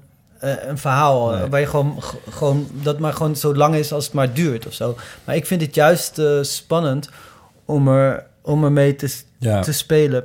Want Ieper citeert mij half. Want ik, ik zei inderdaad van het, het klinkt soms alsof je aan het struikelen bent, maar je komt altijd op je pootjes terecht. ja, hij bedoelt het positief, ja. Ja. Maar, ja, maar ik vind het Ja, juist dat maakt het spannend. spannender dan Ja. als je in een heel vast... Ja, Ja. Ja, maar ik, ja, ik vind het... Ik vind het s- Ook het, het, Dat weglaten van lidwoorden, dat, dat klinkt eerst, dan denk je van ja, laten we het lidwoord weg. Maar dan denk ik later, dan luister ik naar de firma, dan klopt, daardoor klopt het dan dus weer wel. Ja, Dat ja precies. Ja. Ja. Maar het is, ja, ik vind het, ik vind dat, dat, ja, dat mijn favoriete zangers of zo, die zijn daar heel goed in. Armand was daar heel goed in. Bijvoorbeeld Armand, die, die je kent van Ben ik te min misschien, Ja. eh, weet je wel, met lange rode haren, op Mhm. het eind van zijn Mhm. dat leven. het enige Dat is een van mijn grote, ja, maar die schreef bijvoorbeeld, eh, kijk in 1963 of zo had je zo'n hit van, eh, of misschien is het 62, van Rob de Nijs. En dan zingt hij... Zachtjes stikt de regen tegen het zolderraam. Het ritme van de eenzaamheid. Zachtjes stikt de regen op mijn zolderraam. Ritme van de eenzaamheid. Dat is zo metrisch precies dat het niet eens uitgesproken mag worden. Dus het is niet het ritme, maar het ritme. Het ritme van de eenzaamheid. Weet je wel, eenzaamheid. en het ritme, dus niet... Dus hij zou kunnen zeggen het ritme van de eenzaamheid. Maar snap je, dat is dus blijkbaar altijd vrij, vrij, weet je wel? Dus het woordje, zachtjes stikt de regen tegen het regen. Ik zou zingen, zachtjes stikt de regen tegen, tegen het zolderraam. Het ritme van de eenzaamheid. Maar nee, bij mij moet het ritme. En één jaar later, of twee, twee jaar later, komt eh, Armand met zijn debuutsingle en dan zingt hij al gelijk. Je komt van school al dan niet met een papiertje in de hand, dan met de trap de maatschappij en dan iedereen het land. En je haar is zo lang, je ogen staan flauw en je rookt veel te veel achter kijken. Zo nou, weet je veel, krijgt een meisje, beloof daar eeuwig trouw. Je komt weer thuis, stelt het voor en dan ga je weer gauw. Je haar is te lang en je ogen staan flauw. En je rookt veel te veel, ach ze kijken zo nauw. En weet je veel, je krijgt een meisje, belooft haar eeuwige trouw. Ze komt mee thuis, je stelt ervoor en dan ga je weer gauw. Want er is niemand Weet je wel, gewoon, dat is, je hoort al dat het super veel vrijer is. En Mm. veel dichter, ook echt dicht. En dat is veel meer mijn ding. Dat, dat Ja, vind ik tof, weet ik, je wel. Ik hoorde het jou zo zingen in ieder geval. Ja, precies. Ja, maar dat komt omdat dat is waar mijn inspiratie hij deed het ook. maar. Ja. Ja, dat- ja. ja. Oh, oh, wat gaaf. Ja, ja, Ja, ja. maar dank je Dennis voor deze vraag. En ik, ben ook, ik voel me ook wel een beetje erkend dan als... eh, Hij doet niet zomaar wat, mensen. ja, dat ik niet zomaar wat... wat mensen zeggen, dat ik niet zomaar wat tweet. Er was nog een, eh, een eh, vraag binnengekomen op de eeuwofoon. En die is van eh Jonica Smeets. Wauw, het zijn allemaal beroemdheden. Nou, ja, wat zullen we zeggen? Hallo, dit Hoi. is Jodika Smeets. Ik had een vraag over muziek. Eh, toen mijn zoon eh pakweg acht jaar geleden geboren werd, moesten we in redelijk eh blinde paniek naar het ziekenhuis. En hadden we snel een tas meegenomen en daarin zat nog een cadeautje voor een vriend die dat weekend jarig was, waar we dus maar naartoe zijn gegaan. En dat was de cd van de Tyfons, Goede Honing maakt. En we hadden van alles bedacht over dingen meenemen naar het ziekenhuis. Maar uiteindelijk hadden we alleen die ene cd bij ons qua muziek. En die hebben toen heel veel gedraaid. En daarna in de kraamtijd heb ik eigenlijk ook alleen maar die cd gedraaid. En gekke is nu ook, dat ik daar een liedje van hoor, dan ben ik weer helemaal terug in die tijd. Hoe dat was, hoe dat voelde. En eh, dat is eigenlijk heel erg te gek, dat dat zo bij één plaat hoort. Dus daarom eh, is Lucky Fons voor mij ook altijd nog heel erg bijzonder. Omdat hij bij die tijd zo hoort. Nu vroeg ik me af, eh, hebben jullie dat ook? Hebben jullie ook één album wat echt bij een heel specifieke tijd in je leven hoort? Wat echt je helemaal terugbrengt naar het gevoel, naar de geuren, naar alles uit eh, hoe je je toen voelde. En eh, ik ben heel benieuwd eh, hoe dat, wat dat dan is. En ik wens jullie een mooie uitzending. Tot gauw. Dag. Dankjewel, Jannica. Eén album dat bij een specifieke tijd in je leven hoort. Ik heb de vraag vanmiddag al gehoord toen ik hem klaarzette. En ik moet eerlijk zeggen dat ik hem heel ingewikkeld vind. Omdat ik meerdere albums bij meerdere perioden in me... Ik heb dat niet met één, één album voor Meerdere één... alba, bij meerdere alba. periodie. Ja, zoiets, ja. Maar hoe zit het bij jullie? Jij eerst. Oh ja. Ja, zoveel. Hm. Toch? Heel veel, denk ik. Ehm, ja, en liedjes. Ja, en al, alba. Het is heel fijn als je zo'n album hebt. Ook, ik vind het ook heel fijn als er soms heb je een album dat je dan eh, heel lang draait, zeg maar. Dat heel lang meegaat. Dan heb je de meeste kans daarop natuurlijk. Ja, wat- zeker. Ze Ja. ook zegt. Ja. En eh, soms mis ik dat even in mijn leven. Dat ik een eh, zo'n zo'n zo'n go-to album heb. Ja. Maar ehm de la, de ba- ja, maar ehm, ja, ik moet denken aan ehm, Elysium van de Pet Shop Boys. Ja, ik moet, ik moet altijd over de Pet Shop Boys Boys hebben. De. Pet Shop Boys. Is dat je favoriete band? Ja. Nou. Ah. Ik wilde er net eigenlijk al iets over zeggen. Dat Ja, zeg ik dat nu ook even, want nu zijn ze al gevallen. Want jij zei Versace, Versace, Versace. Ze hebben zo'n liedje Penny Narrow. En dan zeggen ze Armani, Armani, ah, Armani, ja. Versace, Cinque. Wat is dat? Maar goed, Armani, Armani, Armani. Ja, 1986. Ja. B-kant van de Pet Shop Boys.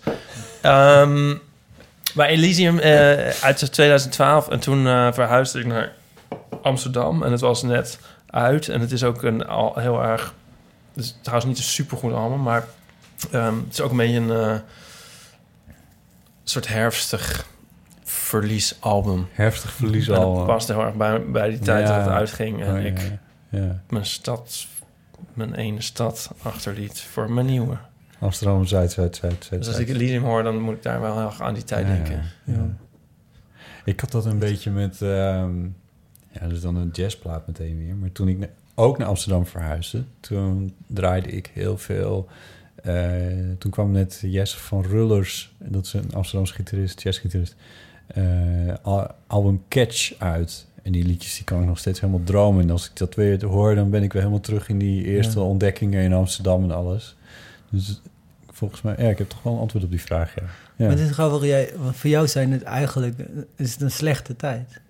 Die, waar je dan terugdenkt. Of, of een complexe Ja. tijd. Complexe, Want voor, ik weet niet of ik nou hoorde in wat Jonica zei, maar het was voor haar ook in- ingewikkeld. Nou, het was voor haar bij, bij de geboorte van haar Of kind. die- het ze het ingewikkelde was eraan dat, dat, dat ze daar hals over kop mee naar het ziekenhuis moest... en dat ze toen toevallig gewoon jouw plaat hadden ja, ja, ja, dat, is het- ja, precies. Ja. Ja. dat is wel heel, ja, vind ik wel heel mooi. Dat, dat, dat vind ik echt wel mooi, want ik denk nu zelf aan, aan de platen met wie ik zo'n eh, relatie, waar ik zo'n relatie mee heb. Het is wel bijzonder dat ik dan zelf ook een plaat gemaakt heb, iemand anders dan- dan ja, buiten, heeft, buiten ja. mij weet om ook zo'n Ja. relatie mee heeft of zo. Dat vind ik wel, eh, Ja, het soort van, ik ervaar dat echt als een erkenning op de een of andere manier. Eh, maar ehm, ik heb het heel erg bij eh, twee, twee platen eigenlijk. Welke, ehm nou, zou ik de nieuwste doen of de oudste? Beide. Misschien de... ou- nou, ik heb het heel erg bij Nirvana Unplugged. Wat sowieso echt Oh, een heel ja. erg extreem eh, een belangrijk album voor me was. Want Ja. het was eh, het album waarbij ik realiseerde dat... eh, dat, dat is eigenlijk het, een rustig klinkende plaat. Hè? De grunge band die dan rustig speelt met akoestische gitaren. Ja. En dat ik dacht, ik vind het bijna nog mooier. Terwijl ik altijd dacht, ik hou van harde gitaren. Maar en toen hoorde ik dat en ik dacht van, dit is nog mooier. Ja. Want je kan de tekst heel goed volgen en de melodie komt eigenlijk heel goed uit. En het is eigenlijk is het juist nog veel... Het, het, het, roept, het nodigt je eigenlijk uit om in te gaan... in plaats van dat het op je afkomt. En Weet je wel, zoals, zoals het lui- luide dingen als ze op je afkomen... is dit eigenlijk verleidelijk. Het is een soort ding waar je in kan stappen. Zo ervaarde er, Dus muzikaal was het sowieso in, een plaat voor me. Maar het was meer... Ik luisterde heel vaak naar op mijn koptelefoons toen toen ik 13 was of 14. En dat was ook een beetje die periode dat ik niet meer naar school wou en zo. En toen voelde ik me zo ver verwijderd van mijn hele omgeving.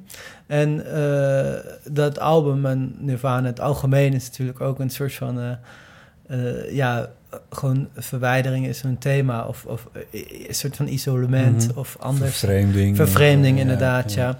En dat hoor je heel erg in de muziek en in de stem van Kurt Cobain. Ja. En ook wel in de teksten, want ik had eigenlijk nog nooit ook dat soort teksten gehoord. Weet je wel, bijvoorbeeld, het eindigt ook met een bluesnummer. Dat was ook denk ik de eerste keer dat ik blues hoorde. Het eindigt met een koffer van Led Belly van... eh, my girl, my girl, don't lie to me.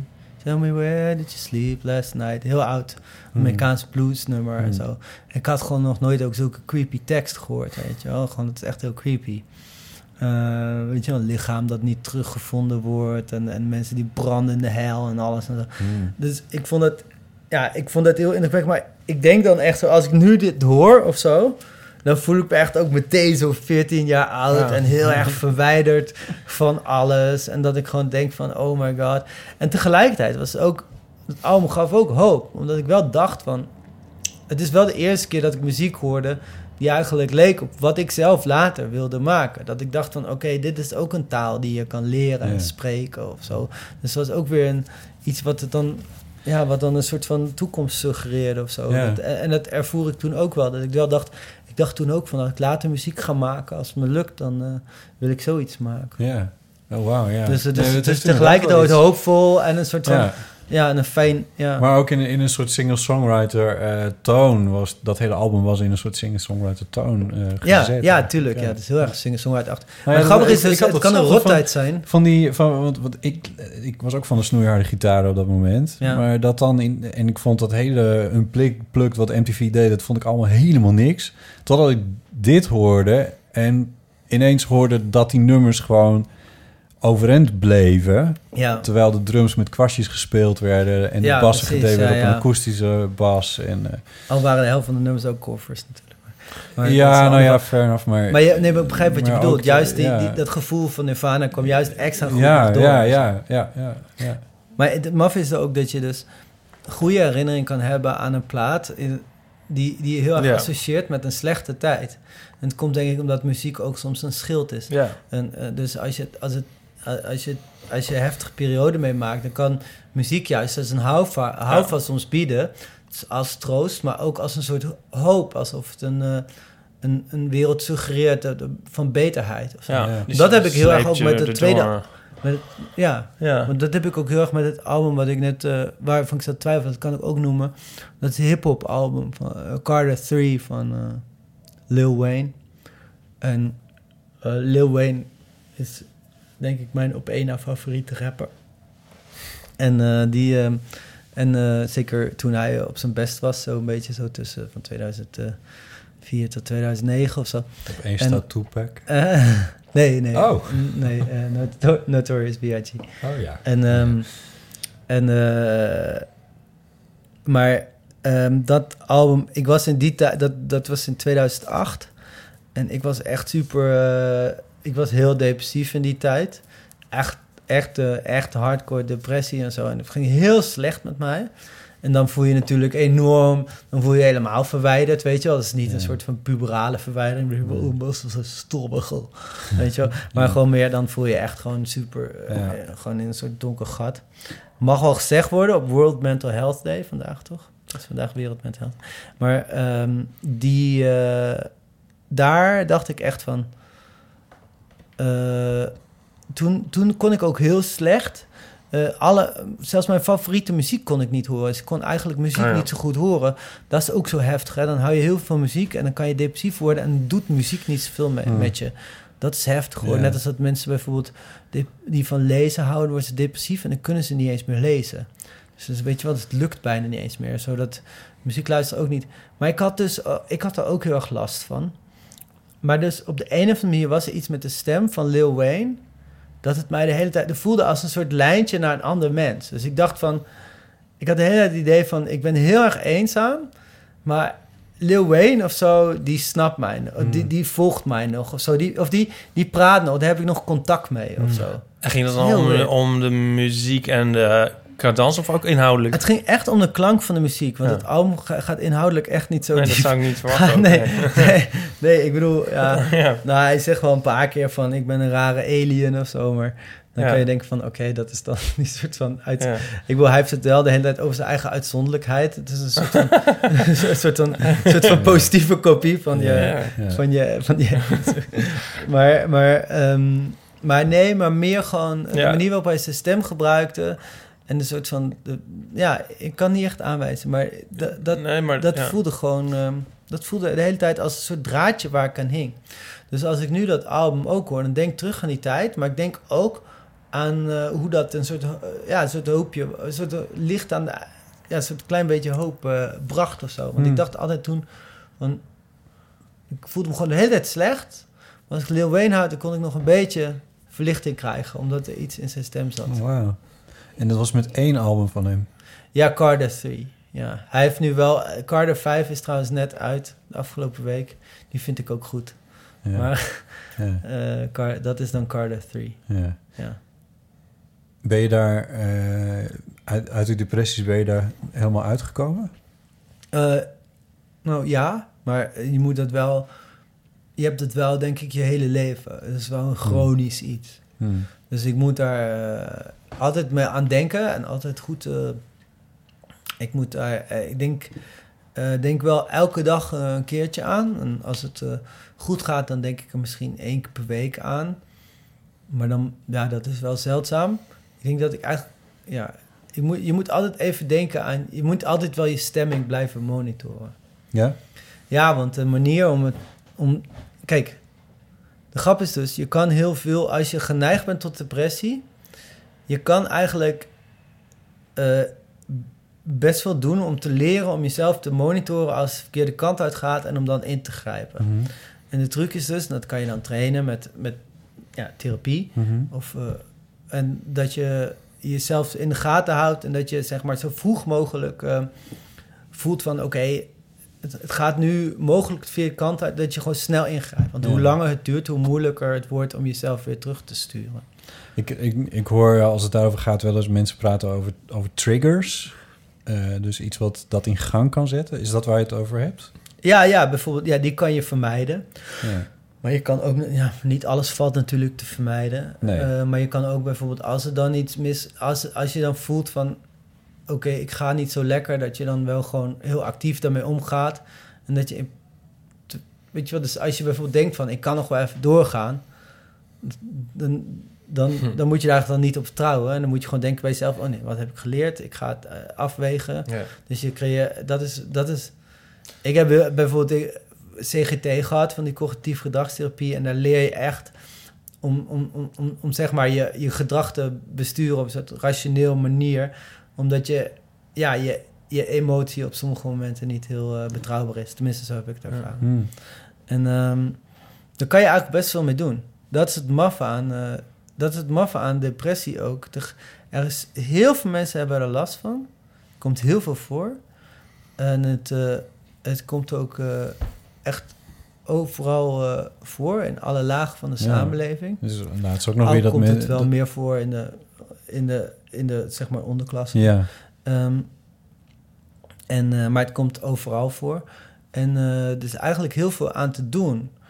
Met behandeling en eventuele medicatie. En, en, en eh, ook, ehm, hoe zeg je dat, dat je van tevoren voorkomt? De, de, Preventie. Preventie en dat soort zaken. Dus eigenlijk, dus eigenlijk is het, over, meestal is het een goed behandelbare ziekte. Ja.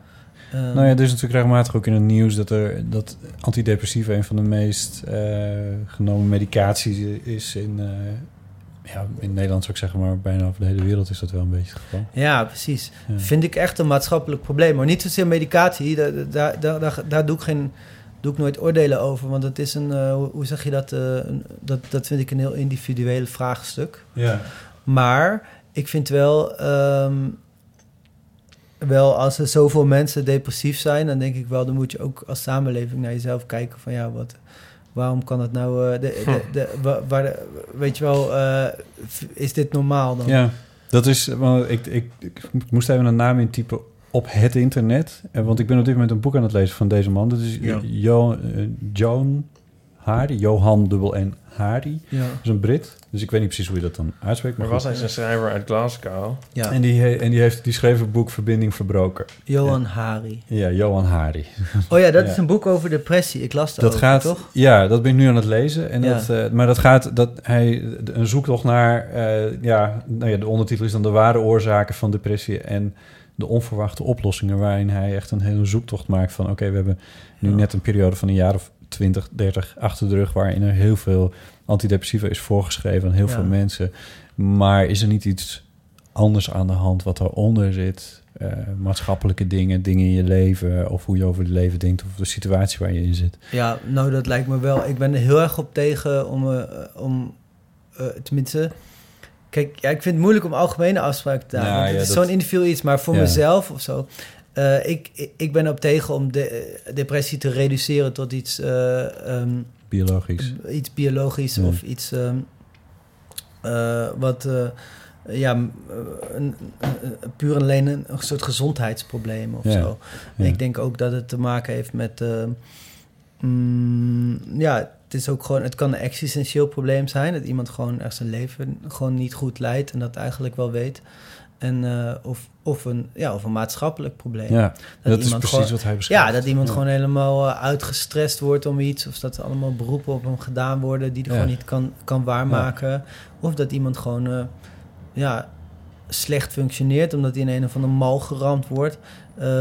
Of er ja, overkomen hem ja. dingen waar je, of hij, hij of zij, maar het overkomen je dingen waar je ook niks Ja. aan kan doen. Dus bijvoorbeeld geliefden die weggaan of eh, mensen die eh, sterven of, eh, of Ja, anders. ja, tuurlijk. Ja, ook gewoon, ja, ook gewoon, ook ja, dat soort dingen. Rouw en... Ja, en, en, er is soms een, een, een, combinatie van verschillende dingen daarvan en dat kan... Ja. ja, ja, ja. Maar ik vind dat heel interessant. Ja. Juist dat, dat depressie ook zoveel zeg maar, aan dingen aanhaakt. Het hangt aan heel persoonlijke dingen en een grotere maatschappelijke... Ja. eh, het, is echt een soort van een, fenomeen of zo, weet je wel. Het beweegt zo tussen alles door en Ja. wordt door alles beïnvloed. Dus het Ik- is heel, ik- heel... Ik, ik wist het een klein beetje van je en, eh, en daardoor ging ik ook net even meer met wat andere oren af en toe naar je liedjes luisteren. Klopt Ja. het dat je daar af en toe een beetje iets van laat doorschemeren in je, in je songteksten? Ik, ik denk dat doorschemeren het woord niet is. Hmm. Want dan, dan lijkt het net alsof het een soort van gecodeerd iets is. of Nou, zo. dat precies. Nee. Ehm, het is meer dat ik gebruik gewoon mijn... Ik schrijf mijn liedjes met door een bouwmateriaal waar ik me, dat tot me komt. Ja. En het kan op elke manier zijn. Het kan zijn als iemand mij een verhaal vertelt, dan kan ik het voor gebruiken. Of, een, eh, of kijk een film en dan kan ik dan iets, eh, kan ik dat navertellen in mijn eigen woorden. Of ik lees een boek of, of, of, of een beetje associatief of zo, dat Ja. het zichzelf genereert. Maar ook gewoon mijn eigen leven is ook gewoon bouwmateriaal als het ware. Maar het is voor mij niet zo'n onderscheid tussen autobiografisch en niet autobiografisch als het Hm. ware. Maar wat is je vraag eigenlijk? Nou, in hoeverre, je, eh, wa- wat je zegt, eh, dat je hebt geworsteld met een zware depressie, nu een jaar of tien geleden, zei je. Ja. Ehm, of in hoeverre ik dat dan terug kan horen in je songteksten. Nou, het is zeker wel een belangrijk iets van me. En het heeft ook wel. Het zit, het, het zit wel in, in, in, in, in sommige teksten. Hmm. En, dan, eh, en veel mensen horen het ook zo. En dat was ook een van de redenen dat ik daar eigenlijk niet over wil praten. Want ik wil niet dat mensen mijn muziek luisteren in het licht van wat ze gehoord hebben. eh, Ja, is wat ik- over- precies wat ik heb mij. gedaan. Dus eigenlijk wat jij doet. Maar later dacht ik ook van ja, maar dat is eigenlijk ook niet zo erg. Want ik had het hier over met een vriend en die zei... misschien winnen mensen er juist wat van. Misschien, Ja. dat, misschien dat juist die, dat die nummers al mooi zijn... en nog een extra dimensie, omdat ze krijgen van... weet je wel, oké, hier zit een soort van... eh, Ja. weet je wel, dit, dit gaat eigenlijk over dit of dat of zo. Dus, en Kan ook per luisteraar verschillen. Ja, natuurlijk. Ja, maar ik luister zelf ook zo naar muziek. Ik denk ook bij, kijk, Bob Dylan is natuurlijk legendarisch ondergrondelijk. En dat is mijn grote held. En dan, ik vind het juist heel leuk om zeg maar in zijn dingen te bespuren. Zo van, Ja. haha, daar heeft hij het Ja. over... eh, daar daar Ja. heeft hij het over Edie Sedgwick of zo. Ehm, maar goed, ja, dus het zit zeker wel in, in, in sommige eh, nummers. Ja. Ik zou alleen niet uit mijn hoofd zo 1, 2, 3 kunnen denken. Nou, ik, ik, Waar ik- heb je het ik- gehoord dan? Nou, ja, dat, eh, dat voert ook weer ver. Maar iets wat nu nog voor, bij mij naar voren komt is eh, eh, de sporter. Wat, hoe, wat was dat nou weer? Ja, in Sporters. Ja, ja, ja. klopt. sporters. Ja, ja, ja, Wanneer je beschrijft hoe een, een, een grote sportheld terugkeert op de voetbalvelden of sportvelden van zijn jeugd. Om daar dan nog iets goeds voor, van, voor te doen voor waar die nou vandaan ja, komt. ik vind het gewoon... Ja, dat is gewoon omdat dat... Ik denk... Dat is meer observatie. Nou ja, ja, maar het had zelf. ook een beetje te maken... Ik weet dat het nummer was ook deels geïnspireerd op... Twee dingen. Ik had een, een, een boek gelezen van... eh, een filosoof die over sport schreef. Of eh, eh, Peter Sloterdijk, die heel veel over, over de mens als atleet schrijft. Maar het is fucking ingewikkeld allemaal. En toen dacht ik, ik moet er iets mee doen. En ook, er was een schaatser die een depressie gehad had. Ik ben zijn naam even vergeten. Die heeft er ook Eh, over gepraat. oh, en, eh, eh, Bjorn Nijhuis? maar Ja, nu- dat moet je ook niet ja, doen ja, naam, ja, nee, ja, ik weet het niet. En Ik- ik, ben hem later ook een keer tegengekomen. En, maar toen dacht ik aan van... Het is zo heftig dat voor topsporters... dat die gewoon helemaal hun leven leiden... bijvoorbeeld voor één, miljoen, één minuut. Dat ze dan Ja. vier jaar gaan trainen... om op de Olympische Speler... um, Stefan ja, Groothuis. Stefan Groothuis, dat was hem. En, en, en ik, ik dacht toen echt van... dan moet je eigenlijk je hele leven op e- dat één ding richten. En als het dan niet lukt... Ja. Of als, het, of als je bijvoorbeeld in één keer een probleem hebt of zo... wat helemaal niet past in dat kader van hoe je je leven leidt... Wat, wat dan of zo? Ja. En toen dacht ik... Ging Je hebt griep verder bij de denken. Olympische en toen, Spelen. Ja, en toen Ja. dacht ik daarna van... wat als sporters eh, ophouden met sporten omdat ze te oud zijn? Omdat ik was net toen ik dat album was... dacht ik, ik ben ongeveer op de leeftijd dat sporters ophouden. Ja, met, dat zie je. Ja. Ehm, want ik, weet je al... Er zijn ook al sporters die zijn jonger dan mij. Die zijn dan al Die al gepensioneerd. Ja, en, en toen dacht ik bij mezelf... jeetje, dan moet je wel in een soort existentiële crisis komen. Ja. Denk ik. Hoewel heel veel sporters ook zeggen dat ze juist dan eindelijk chill zijn. Maar, maar ik zou dan echt heel erg in een crisis komen. En toen dacht ik van...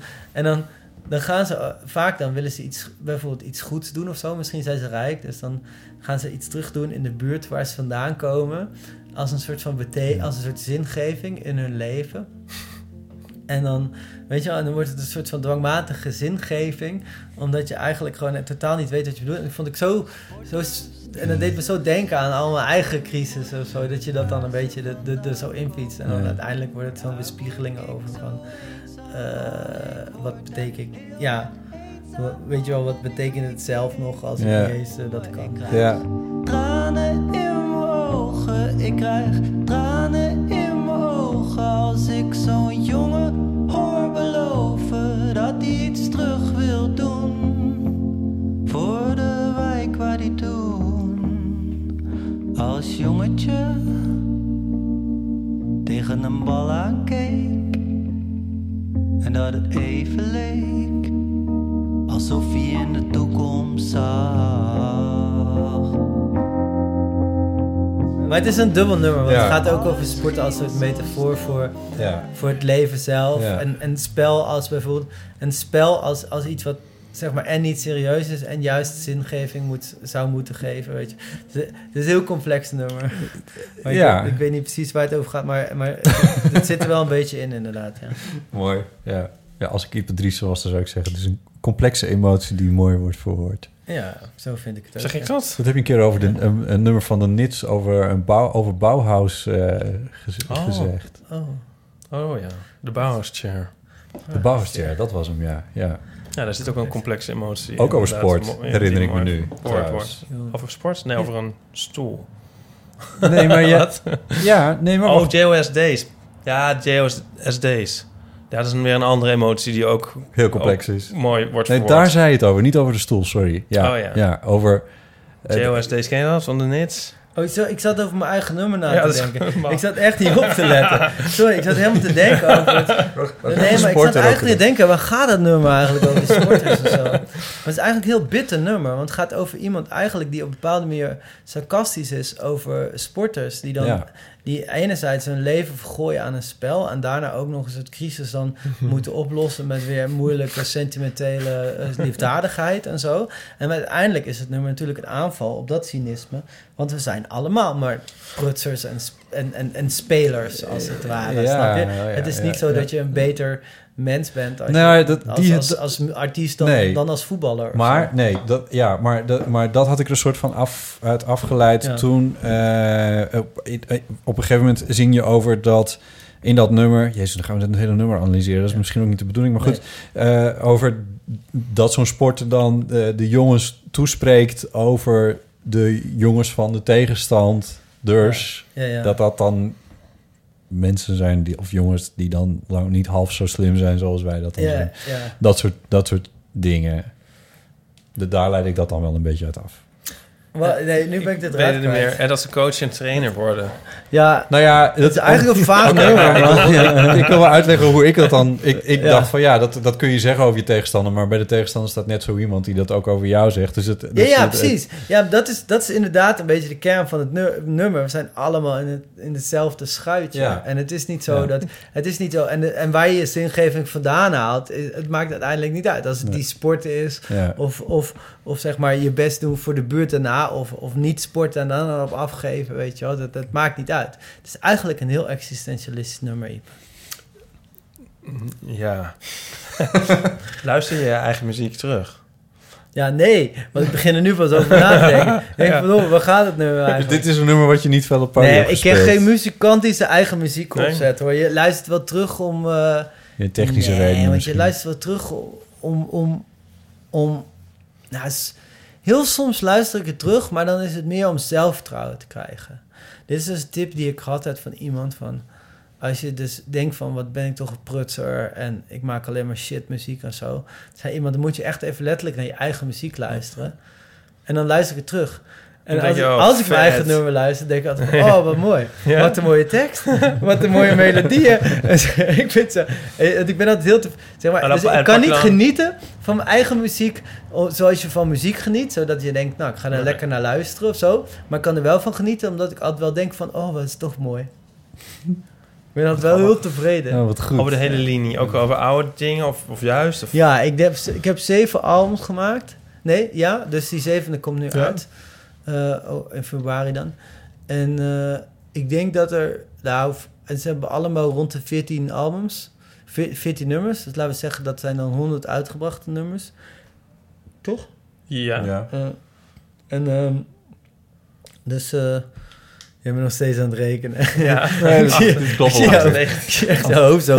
Ah, Nou, de Jonica ja, dus ja. we moeten wel eigenlijk Ja. een goed, ja. dat er een goed antwoord komen. Nee, maar 7 keer 14, 7 keer 14 is toch 8, 9 of niet? Nee. Ja, volgens mij. Nee. 70, nee, hoeveel? Ja. 7 keer 4, dat weet, ja, dat weet niemand. Ja. Nou, dit weet ook niemand behalve 28, Jonica. wel. Dat is 7 keer 4 is toch Ah, 28? jongens, hoeveel is 7 keer 14? Dat kunnen we toch wel uitrekenen? Ja, 98. Ja, precies. Oké, dat is bijna 100. Ja. Eh, dus laten we zeggen dat ik 100 liedjes heb u- als dit volgende album uitkomt. En dan zijn er, ik denk dat ik er vijf of zo eh, shit vind. en de rest vind ik ook echt heel goed. Dat is wel heel fijn. Maar dan vind Ja. je dat altijd? Hm? Vind je dat altijd? Nee, want ik lees wel eens oude strips van mezelf terug. En dan hangt... Soms denk ik echt van... Je, Jezus, wat ben ik toch een miskend genie. En soms Ja. denk ik van... eh, Jezus, het is wel een wonder dat je nog bent gekomen waar je bent. Ja, maar je hebt wel meer dan 100 strips waarschijnlijk. Ja, maar dat hangt meer van mijn stemming af dan welke strip ik nou net zie, volgens mij. Oh ja, dat, ja, dat, ja, ja, dat. Ja, maar dat heb jij niet. Jij denkt altijd, wow, vet. Nou ja, nou kijk, het, het maf is natuurlijk wel... de nummers die je op je album hebt staan... daar heb je lang over nagedacht Ja. om die te beslissen. Je hebt er langer gewerkt om zo te... weet je wel, dus Ja. daar, daar zit niet echt heel veel bij. Het is ook niet echt een... het is ook niet alsof die albums nou precies een weerslag is van je... kwa- Maar ik, bedoel, ik kijk wel eens een oud filmpje terug, terug van mezelf... en dan denk ik van, jeetje, ik speelde toen echt wel... dat ik toen gitaar speel, ik zeg de hark op die gitaar, weet je wel. Gewoon, dat ik echt denk van, jeetje man, het was, is wel erg rauw, weet je wel. Ja, Kijk, authentiek is leuk of zo, maar, maar weet je, dit is wel heel erg authentiek, weet je wel. Vooral als ik van die filmpjes zie helemaal aan het begin, en dan denk ik echt van... Ja, want ik hier moest ik dus net eventjes aan denken. Want ik, ik, ik luister eigenlijk... Ik luister nooit een oude documentaire voor mezelf terug of zo. Maar het is me wel een keer... Ja, hoe zeg je dat overkomen? Maar goed, dat doe je zelf. En dan, en dan heb ik dat wel van... Oké, ja, hier hoor ik dus wel mezelf dingen doen... die ik nu niet meer op die manier doe. Wat, daar ben ik toch echt wel beter in geworden. En dat geeft me op een of andere manier dan wel een beetje zelfvertrouwen. Oh, zo ja, dat je Ja. denkt van, nou, zo slecht ben ik tenminste niet. Nou ja, weet je, zo, ja, slecht, slecht. Maar ik zou het dan nu niet meer zo doen of zo. hey, we hebben nog, eh, nog een berichtje wat eh, niet, eh, Oh, niet per se Ja. aan jou gerelateerd is, eh, Mhm. zeg ik dan maar bij. Maar eh, vorige keer eh, hadden we het het- al een, een tijd lang iepen over jouw tandarts. Nee, niet jouw tandarts, maar, maar de tandarts in de Linnaeusstraat. Oh ja? Nou ja, dit, dit, eh, dit gaat onder andere eh, daarover. Hoi alle drie, hier eh, niet Lydia en ook niet Clara, het meisje dat jullie dat betreffende berichtje stuurde, De maar. Nidia met de N van Nico. Ik ben dus eh, de collega van Clara die nooit durft te bellen, maar zij heeft het voortouw genomen en nu moet ik wel. Dus hallo, daar ben ik dan. Eh, ik ben groot fan van jullie, van Eeuw van de Amateur. Ik luister met heel veel plezier en elke aflevering denk ik, ja, daar wil ik over meepraten. Maar dat durf ik dan nooit te doen. Dus, nou ja, nu toch maar een keer. Eh, wanneer ik dat bijvoorbeeld dacht, was bij de Barendse moordzaak die jullie noemden in de Utrecht-aflevering. Ik kom zelf uit Baren en mijn vader die kon er altijd heel smeuig over vertellen. Want wat het verhaal is, er waren twee tieners en die hebben een andere tiener vermoord. In een put gegooid, bluskalk eroverheen. Eh, en toen dat lichaam gevonden werd, toen dacht de politie dat het het slachtoffer was van de Tweede Wereldoorlog. Maar het bleek dus een tiener te zijn uit, uit het nabijgelegen dorp. Eh, en die tieners die hem vermoord hebben, die runnen tegenwoordig een vet goed lopende levensverzekering in de villa waar ze die jongen vermoord hebben. Fascinerend verhaal. Wilde ik even met jullie delen. Wat een verhaal! Daar zou die kunnen passen. Ja, zeker. Eh, en nog zoiets, bijvoorbeeld de Linnaeus-straat tandarts. Dat is mijn tandarts. En ik was er laatst om half negen, want ik had een afspraak. Hing er een bordje op de deur. We gaan pas om negen uur open. Eh, dus wel een leuke tandarts. Ook een beetje een sketchy tandarts. Nou, ik ben dus groot fan. En eh, zo erg zelfs dat ik jullie allebei al een keer face-to-face de liefde heb verklaard. Ipe, jou zag ik op Milkshake. Oh god. En toen heb ik zowel jou als eh, Nico geknuffeld, terwijl ik alleen maar een roze badpak aan had.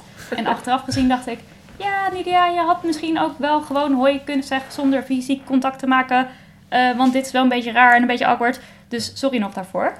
En Botte, jou zag ik op de ochtend van het podcastfestival bij de Secret Stage. Waar je mijn producer iets over snoertjes en kabeltjes stond uit te leggen, geloof ik.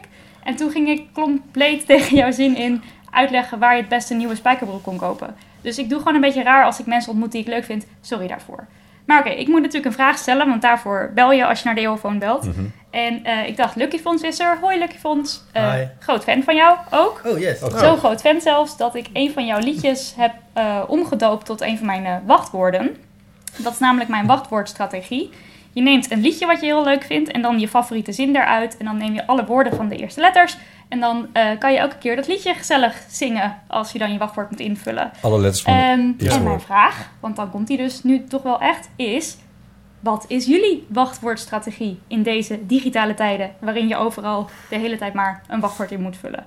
Nou, eh, dat was het. Joetjes! Joetjes? Joetjes. Ja. Het is heel, heel veel to take in Ja, voor dit bericht. ja, ja, ik begrijp, maar je kan Ik straks kan rust- rustig terugluisteren. niet herinneren dat wij over die moordzaak hebben gehad met die tieners. Ja, joh. Waar dan? Ja, Hoe dan? ja, ik weet het ook niet exact meer, om eerlijk te zijn. We hebben het Waar gehad... was het in Baarn? In Baarn, ja. Wanneer? Dat- Wanneer was die moord? Dit speelde in... Volgens mij is het al wel lang geleden, hoor. Of jaren tachtig of zo. Oh. Ja.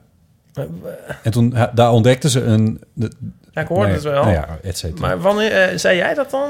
Nee, ja, Zat nee. niet Het, op te het, letten? het kwam... Het, volgens mij was het ook iemand anders die het tegen ons aangooide. Maar ik weet het niet helemaal zeker meer. Hoe kan je dit nou hebben, hier het over hebben gehad en het niet herinneren? Ik geloof het gewoon niet. Het is wel waar. Want ik herinner me dat we het erover hebben gehad. Alleen de details...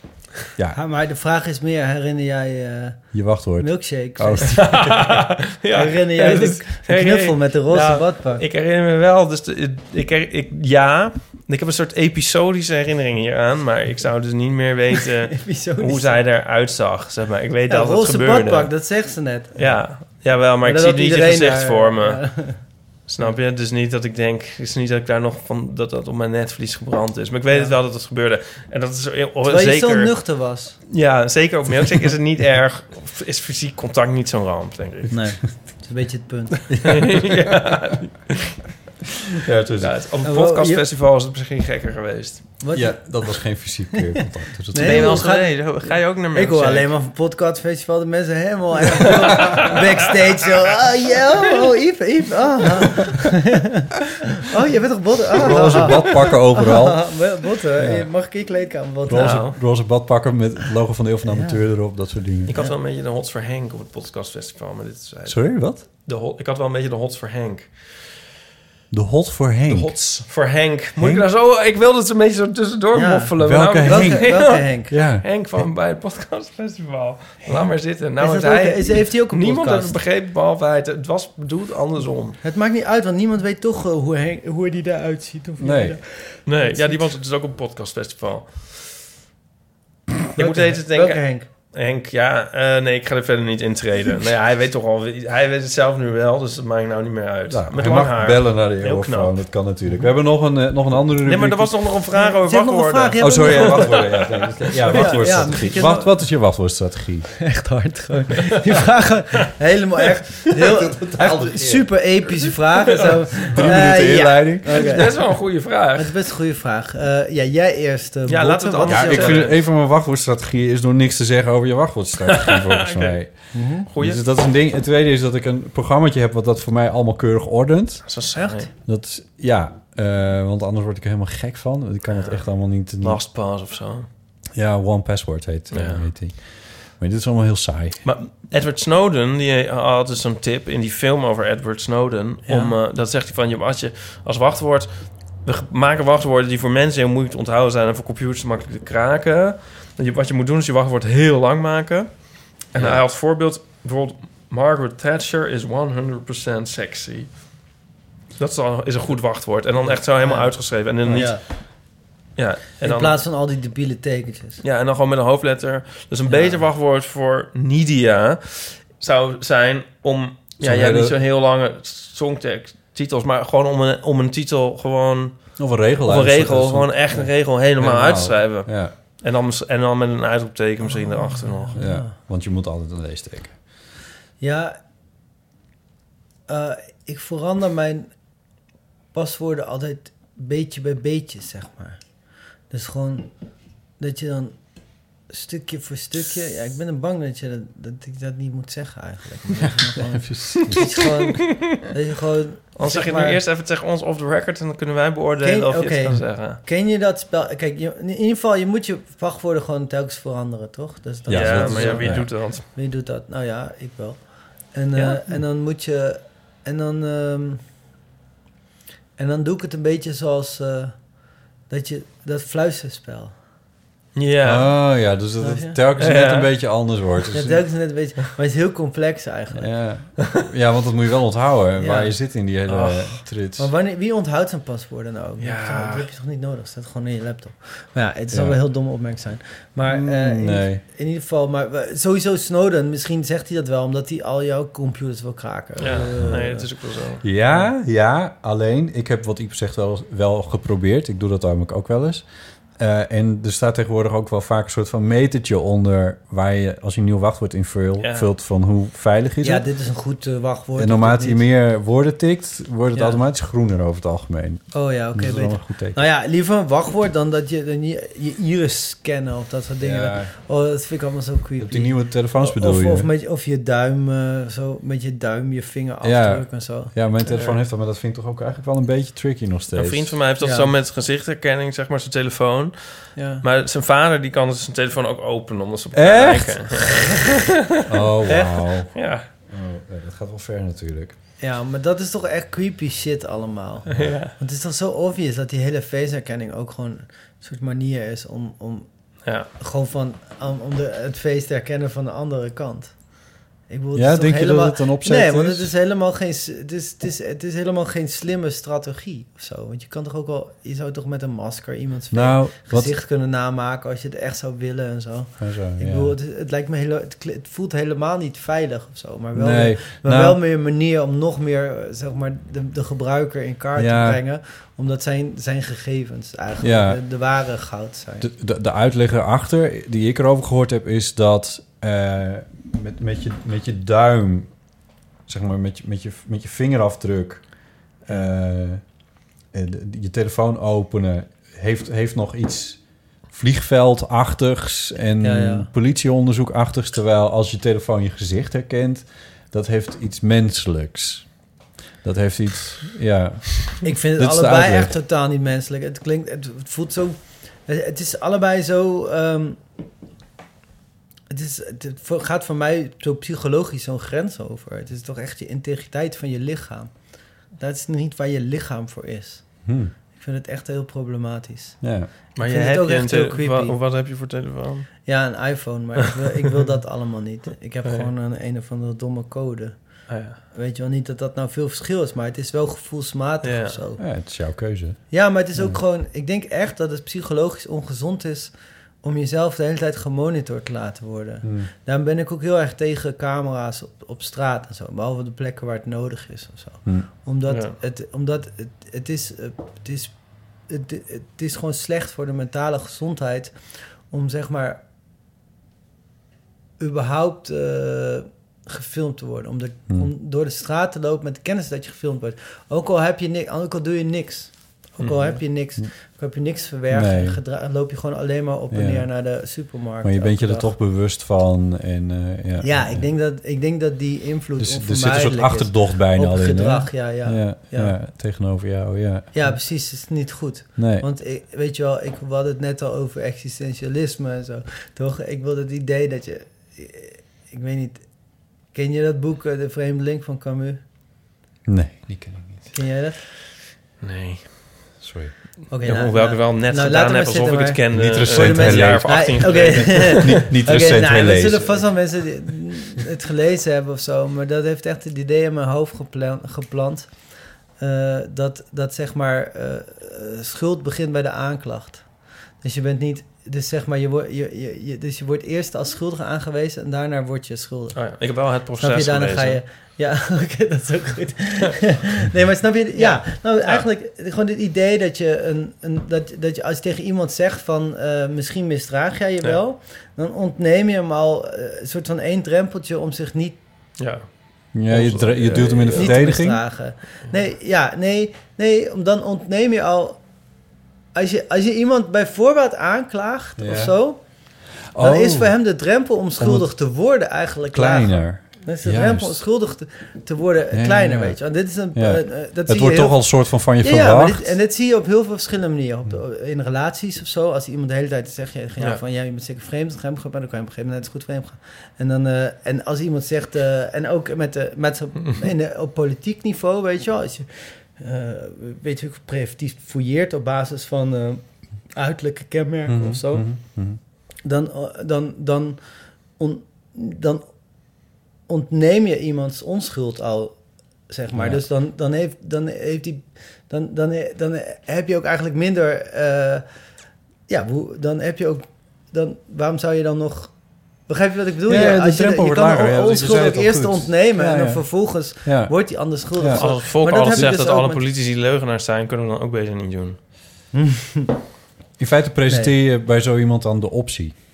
En eh, Ja, nee, maar het is al Ja, zo het is, het is default een psychologisch... zo. Ja, het ik is, snap ja, het, wel. is een soort, het is een soort psychologisch... Vooral met de vreemd gaan, zo snap, voel ik hem. ja, precies. Nee, maar het werkt zo... Een, ja, het werkt gewoon zo... eh, het- luister, als, als ik hier binnenkom en zeg van... jongens, jullie mogen hier niet over praten, mogen daar niet over praten. We willen dit niet. Eh, Ik wil niet dat jullie dit of dat doen, weet je wel. Dus ik... dus weet je bijvoorbeeld... Als ik tegen jullie zeg... Ik, ik wil niet dat jullie hier en hier... Dat jullie gewoon geen vervelende persoonlijke vragen stellen of zo. Dan...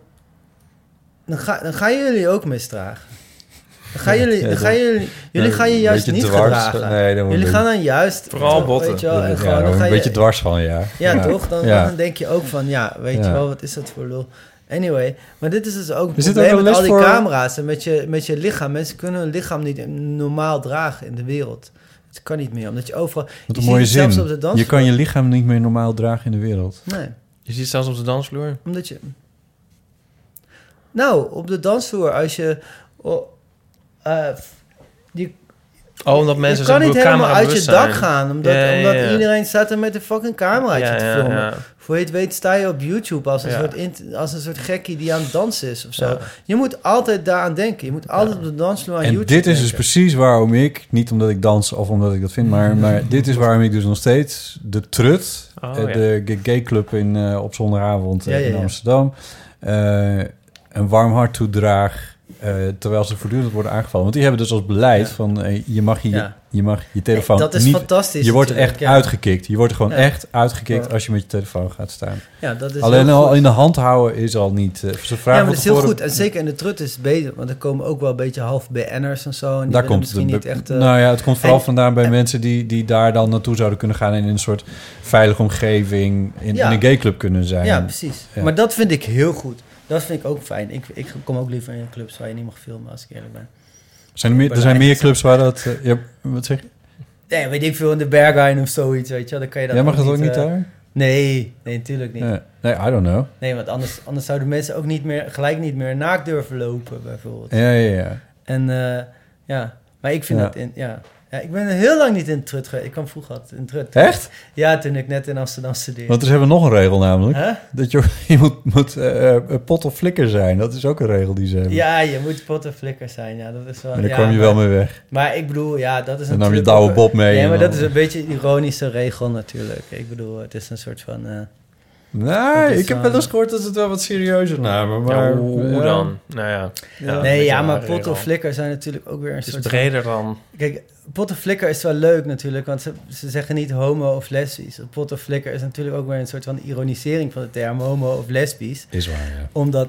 Ja, dat maar ze hebben wel- ik heb omdat, wel een keer- omdat homo natuurlijk ook een heteronormatieve term is weer en zo. Eh, ik zag gisteren nog zo'n filmpje over een jongen die uit de kast kwam. Ik dacht, wat absurd iets. Toch? Ik Oh. zag een... Heb je ehm, gezien van ik- die jongen? Nee, ja, nee. Waar was dat dan? Ja, we gaan een of andere tv-programma. Ze Ja. nu, Nu- nu, tv-programma. Maar die jongen die durfde te zeggen, die zei van, ik durf het niet te zeggen, ik durf het niet te zeggen. En zei een andere jongen, wil je dat ik aan je vraag? Dat vond ik heel lief. En zei, wil je dat aan je vraag? En zei die andere jongen, en zei hij ja, ja. En zei hij, ben je homo? En zei hij ja. Weet je wel, Ze, ze durfde het woord dan niet uit te Ja. spreken of zo. En toen dacht ik echt van, wat een belachelijke wereld toch? Weet je wel, wat een Ja, idioot dat je- toch, dat- weet je wel? ja. Ja. Ik moet ondertussen trouwens ook heel hard denken aan... Wat ik, dat heb ik een keer verteld. Een hilarisch filmpje van jou van een paar jaar geleden. Ja, mijn coming out. Waar, ja, waar je aan de keukentafel zit met al dan niet je echte ouders, maar met, met ouders. En Ja. dan waarin je, pap, mam, moeten jullie iets Ja. vertellen op zo'n Ja. toontje. En de camera die switselt heen en weer tussen jullie. Ja. En dan zeg je, Ja. ik kan niet zingen. dat je ouders dan Oh, zeggen, ja. Ja. maar jongen, dat wisten we toch al lang. Ja, ja. Dan zegt mijn moeder, Maar waar is dat- ah joh, dat wist ik toch al lang. En dan zegt mijn vader ook nog zo van, ja, nou, ik moet het is maar even wennen. Waar is dat idee vandaan? Was dat, was Ja, dat ergens nee, voor? Ik heb dat zelf gedaan toen, want toen was ik net... Dat was net het moment dat ik een beetje op de mainstream radar kwam en zo. En Ja. ik heb natuurlijk niet echt een mainstream manier van zingen. En, dan, eh, en toen eh, kreeg ik heel veel kritiek en zo. Oh, Dat oh, daar kwam het vandaan. En toen, en toen dacht ik van... eh, en toen zeiden zij van... eh, ik, zei, ik belde mijn eh, label op. Zo van, ja... Ik krijg de hele tijd reacties op internet of zo... eh, dat, ik, dat ik niet mag zingen of zoiets. Weet je wel, wat Mm, moet ik daar nou mm. mee? Ik, kan, ik ga niet die mensen te woord staan of zo. Gaat weet ze niet wel. heel lange mails sturen? Ja, ik, ga ze, ja, ik, was, ik wil best eentje, een soort van heel lange, hele lang, heel moeilijk academisch essay Ja. over het concept kwaliteit en zo. Ja. Ja. over het concept kwaliteit en wat goed Het ook maar een sociaal is construct is. Ja, Ja. over, ja. precies. Ja. Over hoe, eh, zeg maar, tonaliteit ook een vorm van fascisme is en zo, weet je wel. Een soort heel westers eh, construct. Ja. Bla, bla, bla. En, eh, toen, eh, en toen zeiden zij van... ehm, en, toen, eh, en toen zei ik als grap tegen hun van... Ik zou gewoon een, een soort van grap moeten maken van... Het, is, zeg maar, het, is net alsof al die lui mij verzoeken te vragen... of ik uit de kast kan komen, alsof ik hun moet erkennen of zo in hun mening dat ik slecht kan zingen. Alsof ik uit de, uit de kast moet komen, weet je wel. Mm. Als een soort coming out. En, en toen gingen we een beetje zo doorriffen. Zo van, oh ja, alsof ik tegen mijn moeder zou zeggen van... Mam, ik moet je wat vertellen, ik zing slecht. Dat mijn moeder dan zeggen, ah joh, weet je wel, ik hou van je zoals ik ben, bla bla. bla. en, eh, en, en, en toen zeiden ze van, dat is fucking grappig. Daar moet je een filmpje van maken. Dan Ja. laat je in één keer zien dat je daar niet door eh, van stuur bent. En zo. werkt het? Ja, jawel, want ik, eh, ja, jawel, want mensen beginnen, ja, want ook het grappige is ook van dat idee van haters of mensen die dan online je gaan boeien of zo, eh, dat heb je, dat hebben artiesten ook, maar dat schijnt weg, dat gaat weg als je toch, als je in beeld blijft en je reageert zeg maar niet. Mm. Dus dan, dan, dan gaan ze gewoon als een soort sprinkhanen op iemand anders Ja, ja, ja. die misschien wat, wat beter daarop reageert. En met wat, met, met wat beter bedoel ik slechter. Ja, ja, ja. Snap je? Ja, die het meer En, eh, voedt. Ja, die, ja, of die, Ja. ja. of die echt, eh, die er een beetje, de, val- ja. Oké, ik ben er al te oud voor daar. Ik ben, niet, ik ben er niet van overstuur. Nee. Ik ben niet zo snel eh, te... Nee. Want ik heb ook wel, laatst zat ik ook in een tv-programma met over politieke dingen en zo. En dan krijg je ook wel van die berichtjes van, ja, vuile links, dit of dat. En dan, ja, ik ben, ja, ja, het is gelukkig, ja, het is ook niet zo heel veel, dus ik kan het wel van Ja. zij schuiven. of zo. Maar, dit, maar door dit filmpje haalde je een beetje zeg maar, de kou uit de lucht wat dat betreft. Eh, Ja, ja, dat, was gewoon, eh, En het was ook nog een soort persiflage. comment- Want ik ben dus heel... Ik, ja, ik, ik, ik geloof dus ook niet in het woord in, in coming out of zo. Nee. Gewoon Het is omdat een ik beetje een achterhaald ding, ja. Nou ja, ik vind het heel... Het is heteronormatief. Ja. Het is gewoon... eh, het, is, het is iets... Het is eigenlijk een heel nasty iets. Want het vraagt... Het, zeg maar, het, het biedt een soort optie van aan, aan jongeren dan meestal. Zo van, als jij dit doet... Deze, dit, deze symbolische actie waarin jij zeg maar jezelf erkent als de ander... Ja. Dan, dan hebben wij voor jou een plek hier die aangenamer is dan die twijfel waar je nu in zit. Ja. Snap je? Dus, dus, Ja. dus, dus een soort onderhandeling tussen de maatschappij. Van, we gaan nu, jij gaat nu, jij, jij, jij gaat deze button dragen. En dan, Ja. kunnen we, dan krijg jij in ruil voor die button krijg je dit en dit als voordeel. Dus we Ja. zullen je accepteren met dit en dat, maar dan moet je wel dat in dat hokje zitten. Het is Ja. een heteronormatief concept. Homoseksualiteit is een heteronormatief concept in feite. en, en, en, en ja, ik, ik ben daar gewoon eh, heel erg op tegen. Want het is een soort van. ehm, het verplicht mensen om iets heel privés en iets heel, eh, iets heel heiligs eigenlijk. En iets heel persoonlijks en lichamelijks. Om dat in een, eh, ja, in een soort. In, in, in, in een soort maatschappelijk eh, hoekje te douwen. En eh, ja, ja, terwijl het zou niemand hoeven te doen. Want Nee. ik Dus vind die oh, belofte ja. ook zo vals. Ik vind die Ja. belofte zo vals. Zo van, als jij nu uit de kast komt, dan zullen we je accepteren Ja. of zo. Ja. Terwijl de wer- dat is vaak in de in we werkelijkheid, in de hier- praktijk is dat vaak niet nee, zo. We, hebben- het hier echt uitgebreid over gehad in, eh, in, in een eh, het is een eh, aflevering van een jaar geleden of zo. Toen, en toen noemden eh, vooral die, die hè, want het is daarmee namelijk niet klaar. Het is niet Oh, doet je coming out en daarna blijft dat maar doorgaan. Het is klaar voor de maatschappij. Ja, we maar weten wie voor- jij bestempelt. Ja, maar je krijgt daarna, en dat, dat werd door eh, JP, van, eh, ook van de televisie, werd dat heel mooi eh, genoemd een eh, awkward mini coming Nee, het werd door Bas van Twitter. ook Bas van Twitter? mini-coming Oh, pardon. Ja, ik Ja, maar dat, way- je als, als, dat je heel vaak nog een soort dus mini-coming out, ongemakkelijke mini-coming out, zo van dat je Dat een hotel van eh, en Ja, eh, is uw vrouw er ook Oh, en dan eh, oh ja nee ik ben met mijn man of zo is dit een goed voorbeeld? Ja, dat, ja, dat was wel een goed voorbeeld. Ehm, Dit was maar, voorbeeld van je-. Keer op keer moet je weer een soort van oh ja nee maar dat was, Ja. dit is Ja, ja, precies. Ja, ja, ja. Dat is, Ja, dat is ook de, de belofte die niet waargemaakt wordt in feite. Van Ja. je doet je coming out en daarna is het klaar. Dat is niet zo. Ja, maar het is ook een En- verplichting die je opgelegd wordt. Ja, het, is, nog, het is heel aanmatigend. Zo van, het is ook, het is ook Nou een ja, aanmatigheid een van hetero- de maatschappij. Zo van, wij hebben recht op, jouw op jouw gevoelens eh, daarover. Ja, en van een hetero verwachten we dit niet. Ook Ja. nog eens een keer. Ja. Dan hoef je, nooit, je hoeft je nooit als hetero nooit te verklaren dat je op meisjes valt. En wat je daar dan precies bij voelt en waar dat vandaan komt. En Nee. wanneer je die gevoelens voor het eerst had. En, en of je daar dan ook seks mee wil en of je daar iets mee doet en hoe je dat dan voor elkaar krijgt. Dat soort vragen worden niet van hetero's gesteld. Ja. Ik zag dus bij de Bijenkorf Ja. een diesellijn. En, eh, Het kledingmerk Diesel. Ja. Ja. En die hadden een soort hun eigen... Ze hadden een tijdje terug ook al zo'n domme campagne. En toen had ik... This is not a diesel advert of zo. Dat eh, vond ik ook wel zo triest. En nu hadden ze een soort hun eigen kleding gehackt. En hadden ze zo... Het, is echt, te grappig, eigenlijk. Het is echt, echt zo stupide. Nou, ik ergerde me er dus ook aan dat ik me daaraan ergerde. Want dat ik ook nog dit willen ze. Maar dit was een soort mind is blown. Ja. Dus dat er... Dan is er zo overheen gestikt een dingetje kunt. en zo. En allemaal scheldwoorden en dingen. Dan heb je zo'n soort die en dan, maar ze hadden dus ook een jasje, een, een soort spijkerjasje, en er stond heel, veel- heel, heel groot faggot op.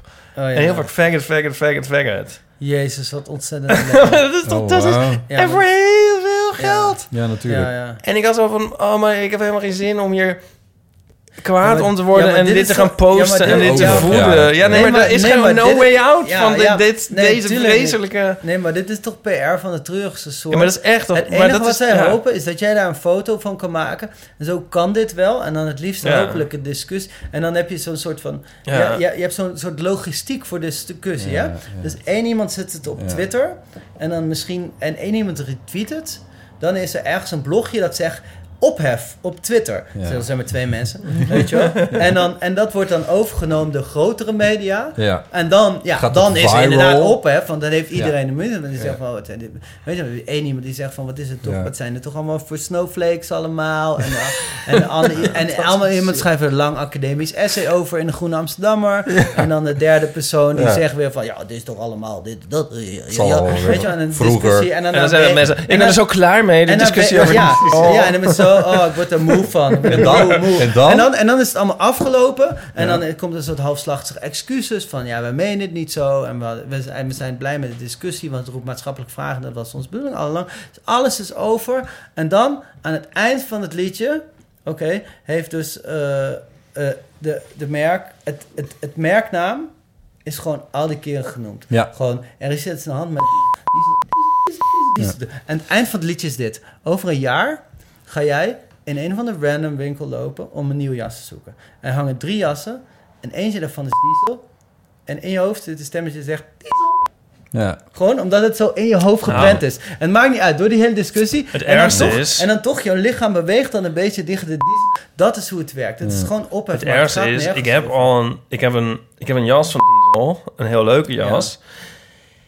En ik heb al, ik ben aan een boek bezig. Ja. ik heb dus al ettelijke scènes waarin ik die Oh, kutjas nee. aan heb. Oh. Ja. Ja. ik kan, ja. Oh. Wat moet ik nou doen? probleem. Die fucking bedrijven, die bedrijven, komen er, Photoshop. die bedrijven komen er ook achter dat we in een wereld leven waar het niet gaat om likes, maar om Nee, views. Ja. Niet de likes worden geteld, Ja. de views worden geteld. Ja. Dus, het maakt niet, dus het maakt niet uit of mensen je leuk vinden of niet leuke. Aandacht. Het gaat om aandacht, weet je wel. Ja. En zo, dat geldt ook zo voor politici. Dus je kan ook gewoon je, je gewoon kut gedragen. En dat loont dan of zo. Want aandacht is, is dus... Dat is gewoon het weird. Wiens naam het vaakst... Net als van die vogeltjes, weet je wel. Die, die, Oh ja. die- degene die het hardst schreeuwt, die krijgt mee. Het- Sponsor. We hebben een sponsor. We moeten, zijn Oh, we moeten de naam noemen. Botten. We moeten geld. Noem nog- de naam van de nog sponsor. ik had nog één grap. Mag ik nog Oh. één grap? Ja. Van dit hele, en hele script zit dan nog één laatste, allerlaatste puntje. En dat is dat er in een podcast dit allemaal verklaard wordt. Oh ja, nou, maar we- nu zijn, staan we toch redelijk vooraan in de discussie. Want ik heb nog verder niemand over kwaad over. Eh, nou ja, we hebben het, de naam is weer genoemd. Ja. Ophef. Ik ophef. ga het allemaal het weg. Zal ik het allemaal wegbliepen? Ja, vergeet dit. ja, dat is ja. doe dat. telkens als, Ja. we, als we die naam noemen, dan eh, bliep ik het weg. Heb jij wat te doen morgen? Ja, ja. doe maar. Heb ik wat te doen morgen? Ja. Me dit Oh, ja. Ja. Nee, want... Liever eh, Bas Kossen zijn lijn bij Koeken. Ja, precies. Ja, precies. Heel goed. Cool Cat, dat het nog bestaat. Hey, ehm, Cool, dat wij, is heel leuk. Wij, wij zitten nu in een periode waarin we elke week een podcast maken. Daarvoor maakten we het één keer in de twee, drie weken. En dat is nu mogelijk gemaakt door Storytel. Die maken audioboeken. Eh, en daar schaam ik me helemaal niet voor om dat te noemen. Na die hele verhaal wat we net hadden gehoord. Ehm, en wij, eh, wij, wij, ja, hoe zeg je dat? Zet- Zetten daar tegenover? Of hoe zal ik het zeggen? Maar in ieder geval, we hebben een rubriek bedacht. In hun naam. Met hun naam. Ja. Eh, storytel, dus wij een beetje over dat storytelling en dat mensen ons een verhaal vertellen. Ja. Eh, en die rubriek die heet, eh, die heet als volgt. Wat een verhaal. Nou, wat een verhaal. Nou, dit, dit, is geen, dit, is tenminste, dit is tenminste vriendelijke marketing. Nee, maar niet alle marketing is kut. Sommige, heel veel marketing wel. Maar je hebt- Stuurde je jij dat dan van de week? je Van, hebt gewoon evil marketing en, en, Ja. en gewoon oké marketing. Oh, hoe heet het nou? Dat poppetje waar, waar Oh No uiteindelijk uitkomt. Oh ja, ja, ja, ja. Oh, ja, ja, ja. Eh, Webcomic na- Name heet dat. Webcomic Name. En dat was... Jij stuurde dat van de week? Ja. Van dat... eh dat Van, oh, ik heb zo'n intieme relatie met mijn podcast. podcast. maken. Het is echt mijn vrienden. Ik ben zo blij mee. En dan... En dan, en dan de, de podcast is dan ver- verbeeld door een groen poppetje. Ja, en dan zegt het groene popje face. Oké, nu komt er even een segment van de sponsor. Maar die, die, die comic gaat Oh, altijd no. hetzelfde. Die eigenlijk altijd, altijd met een plaatje. Oh no. nou ja, sorry, dit moet je echt zien. Dit is- ja, het is briljant. Het is briljant. Otto Anyway. zit ons echt aan te kijken met ogen van... Ja, ik volgde het niet meer. Nee, Nee. snap ik. Wil je nog een biertje? Maar wel, wat een verhaal. Ja, wat een verhaal. Eh, en, ehm waar, oh, jezus, waar waren we nou? Het ging We over bruiloften. We hebben Ja. mensen gevraagd voor... over Taxiverhalen hebben we gehad. Tandarts, eh, Tandartsverhalen. En politie en justitie. politie en justitie. En nu vroegen we om eh bruiloftsverhalen. En daar heeft eh, Sandra iets voor ingestuurd. Hey Ipe en Botte en Lucky Fons. Ik bel eh, voor, met een verhaal. Ik heb nog even overwogen om André van Duin te bellen, maar ik gun het toch aan jullie. Ehm, oh, ik ben Sandra en het is een verhaal over een bruiloft. Of eigenlijk niet echt over een bruiloft, maar net daarvoor over een vrijgezellenfeest. Eh, ik ben heel blij dat ik nog maar één keer in mijn leven ben uitgenodigd voor een vrijgezellenfeest. Eh, maar dat was wel meteen zo eentje waar ik dan een verhaal aan over heb gehouden voor jullie. Eh, het was bij een, of het was van een vriendin van mij. Die vriendin was door mijn werk. We waren inmiddels na een paar jaar erg goed bevriend op het werk, maar nog helemaal niet in elkaars vriendenkring geïntegreerd. Dus ik kende helemaal niemand. En het was bij iemand thuis, bij een vriendin van haar. Zij wist dat niet, dus wij waren met alle vriendinnen van haar eerder gekomen. Ik kende helemaal niemand en eh, had ook niet de gave om heel snel wel mensen te leren kennen. Dus ik zat- was een beetje van de zijlijn aan het kijken. En na een half uur of een uur, we hadden allemaal instructies gekregen, moesten wij naar boven. Gingen we in een slaapkamer zitten, die we donker maakten. Ik weet eigenlijk niet zo goed waarom, want we zaten boven in een slaapkamer waar ze ons toch niet kon zien. Maar wij zaten daar met z'n allen in het donker, met al die meiden die ik niet kende. En toen belde zij beneden aan. En de dame des huizes, haar allerbeste vriendin, deed open. En het eerste wat ons aller vriendin zei was... Heb je al gehoord dat Karin zwanger was? En was ik nog eh, vrij bleu op het gebied van vriendinnengroepen en op het gebied van zwangerschappen. Dus ik begreep niet helemaal wat er gebeurde. Maar ik merkte wel dat in die kamer waarin we elkaar allemaal niet konden zien, ineens niemand meer adem haalde, behalve ik. En daarna begon er eentje heel hard te huilen. En wat bleek? Dat was degene die zwanger was. Nog maar zes weken. En het was heel geheim. Dat mocht nog niemand weten. Alleen de twee dames die beneden stonden. En daar had bij de organisatie eh, de organisatrice, de dame des huizes, even niet aan gedacht. Oh no. Eh, dus dat was een heel awkward begin van het vrijgezellenfeestje. De eh vrijgezel zelf begon, zodra ze erachter was wat er gebeurd was... en dat iedereen boven zat, ook heel hard te huilen. en dus alle meiden gingen elkaar feliciteren en huilen. En ik stond daar en kende niemand en dacht... dit is hopelijk mijn laatste vrijgezellenfeestje. En dat was het ook. Hoewel het verder natuurlijk nog wel heel gezellig was. Eh, nou, de groetjes uit New York om precies te zijn. Wat ook de reden is dat ik het niet via de voicemail inspreek. Want ik ben natuurlijk te krenterig om te betalen voor de minuten om te Ach, bellen vanuit ach. New York. Maar ik heb het wel netjes in één keer gedaan, zodat het echt is. Heel goed. Tenzij ik deze opnieuw ga proberen, maar dat denk ik niet. Nee. Doeg! Doeg. Nou, wat een wat een verhaal. Ja, heel Echt goed. een storytell. Een storytell. verhaal. Ja. Storytel. Dankjewel, Sandra. Storytel met 1L. Want leuke mensen Ja. bellen allemaal naar jullie show, zeg. Ja, dat, is- ja. Zijn ze allemaal zo leuk? Of is dit wel, ja, ze zijn allemaal... Ja. is dit wel En- een beetje topje... Nee, nee, nee. Ze zijn allemaal zo leuk en ze zijn ook heel mooi. Al, al onze luisteraars. Ja? Ja, ja, En ze ruiken ook lekker. Ze ruiken ook nog lekker. Ja? Ja, ja, ja. Maar wie ik een beetje mis trouwens, is Geeske. Ja, We is hebben wel Geeske waar. al heel lang niet meer Ik gehoord. mis Geeske inderdaad een klein Ja, beetje, ja. Geeske komt terug. Ja, ja. Ja. Die, die, die, ja, die hebben we al een tijdje niet meer gehoord. Ja, dat is was onze fan uit... eh, fan uit Leeuwarden. Ja. Hoe je dat ook uitspreekt. En je moet ook nog zeggen Hoe dat de site is is met een naam? kortingscode. Ja. Geeske. Hoe spel je dat? E G-E-E-S-K-E. is echt precies zoals je het Maar heet ze Geeske of Geeske? Ja, nou, ze is Fries. Dus dat, en daar spreek je Maar heb je haar naam wel eens horen spelen? Of heb je zelf bedacht dat ze Geeske heet? Nee, nee, ik ken haar. Van, van een vroeger leven. Eh, we kennen elkaar uit Friesland. En, en, en Uit de Friese diaspora. in Friesland Oh, nee, spreek, je nog de, spreek je de G uit als een eh, G. Oh, ja. En niet als een G. Ja. Dus, eh, Oké. dus, dus dat is Geeske. Ja. Ja, jij denkt dat wij dit naar ons toe hebben getrokken door haar meer gay te maken. Nee, nee. ja, precies, Geeske. Hey jongens, we zijn al ruim twee uur bezig. Nee, maar ik Ehm, dacht, ik ken een Geeske. Ik dacht, misschien is haar dat. Is haar Oh, dat. Maar, ja. Laat maar. Wie weet. Ehm Storytel slash eeuw. Storytel.nl slash eeuw. En dan eh, Mag je kan 30 je dagen. 30 dagen eh, al hun audioboeken beluisteren. Ehm, in plaats van de normale twee weken die, eh, die ervoor staan... heb je dan ineens vier weken waar je het kan uit, uitproberen. We hebben best wat post Ach, we moeten wel liggen. Je mag al lang niet zeggen. Hm? Nee, nee, nee, maar dat gaan we niet... Dat, ik, ik heb net besloten dat we... Hij vindt het ook wel gezellig. Ja, dit- het is, het is superleuk en ik, en ik heb ook echt wel zin in. Maar Moeten we ook niet een thema voor de volgende keer voor Wat een Verhaal? Ja, maar ik wou even zeggen dat, dat Oh. we één... We gaan één een post wegdaten? Nee, ja, dat schuiven we door naar, Ja? de, naar de volgende keer. Dat heb ik al een keer eerder gedaan, maar dat komt allemaal wel goed. Oké. Wat zou een leuk thema zijn? Dat mag wel een beetje te maken hebben met, eh, met Lucky Fonds natuurlijk. Eh, een thema voor wat een verhaal. Dus, dat- dus een... een, een eh, Een mooi backstage verhaal. Of zo. Oh, ja, ja, dat is een goeie. Of zoiets. Ja. Nou, ja. Ja. Want weet je wat ik altijd denk?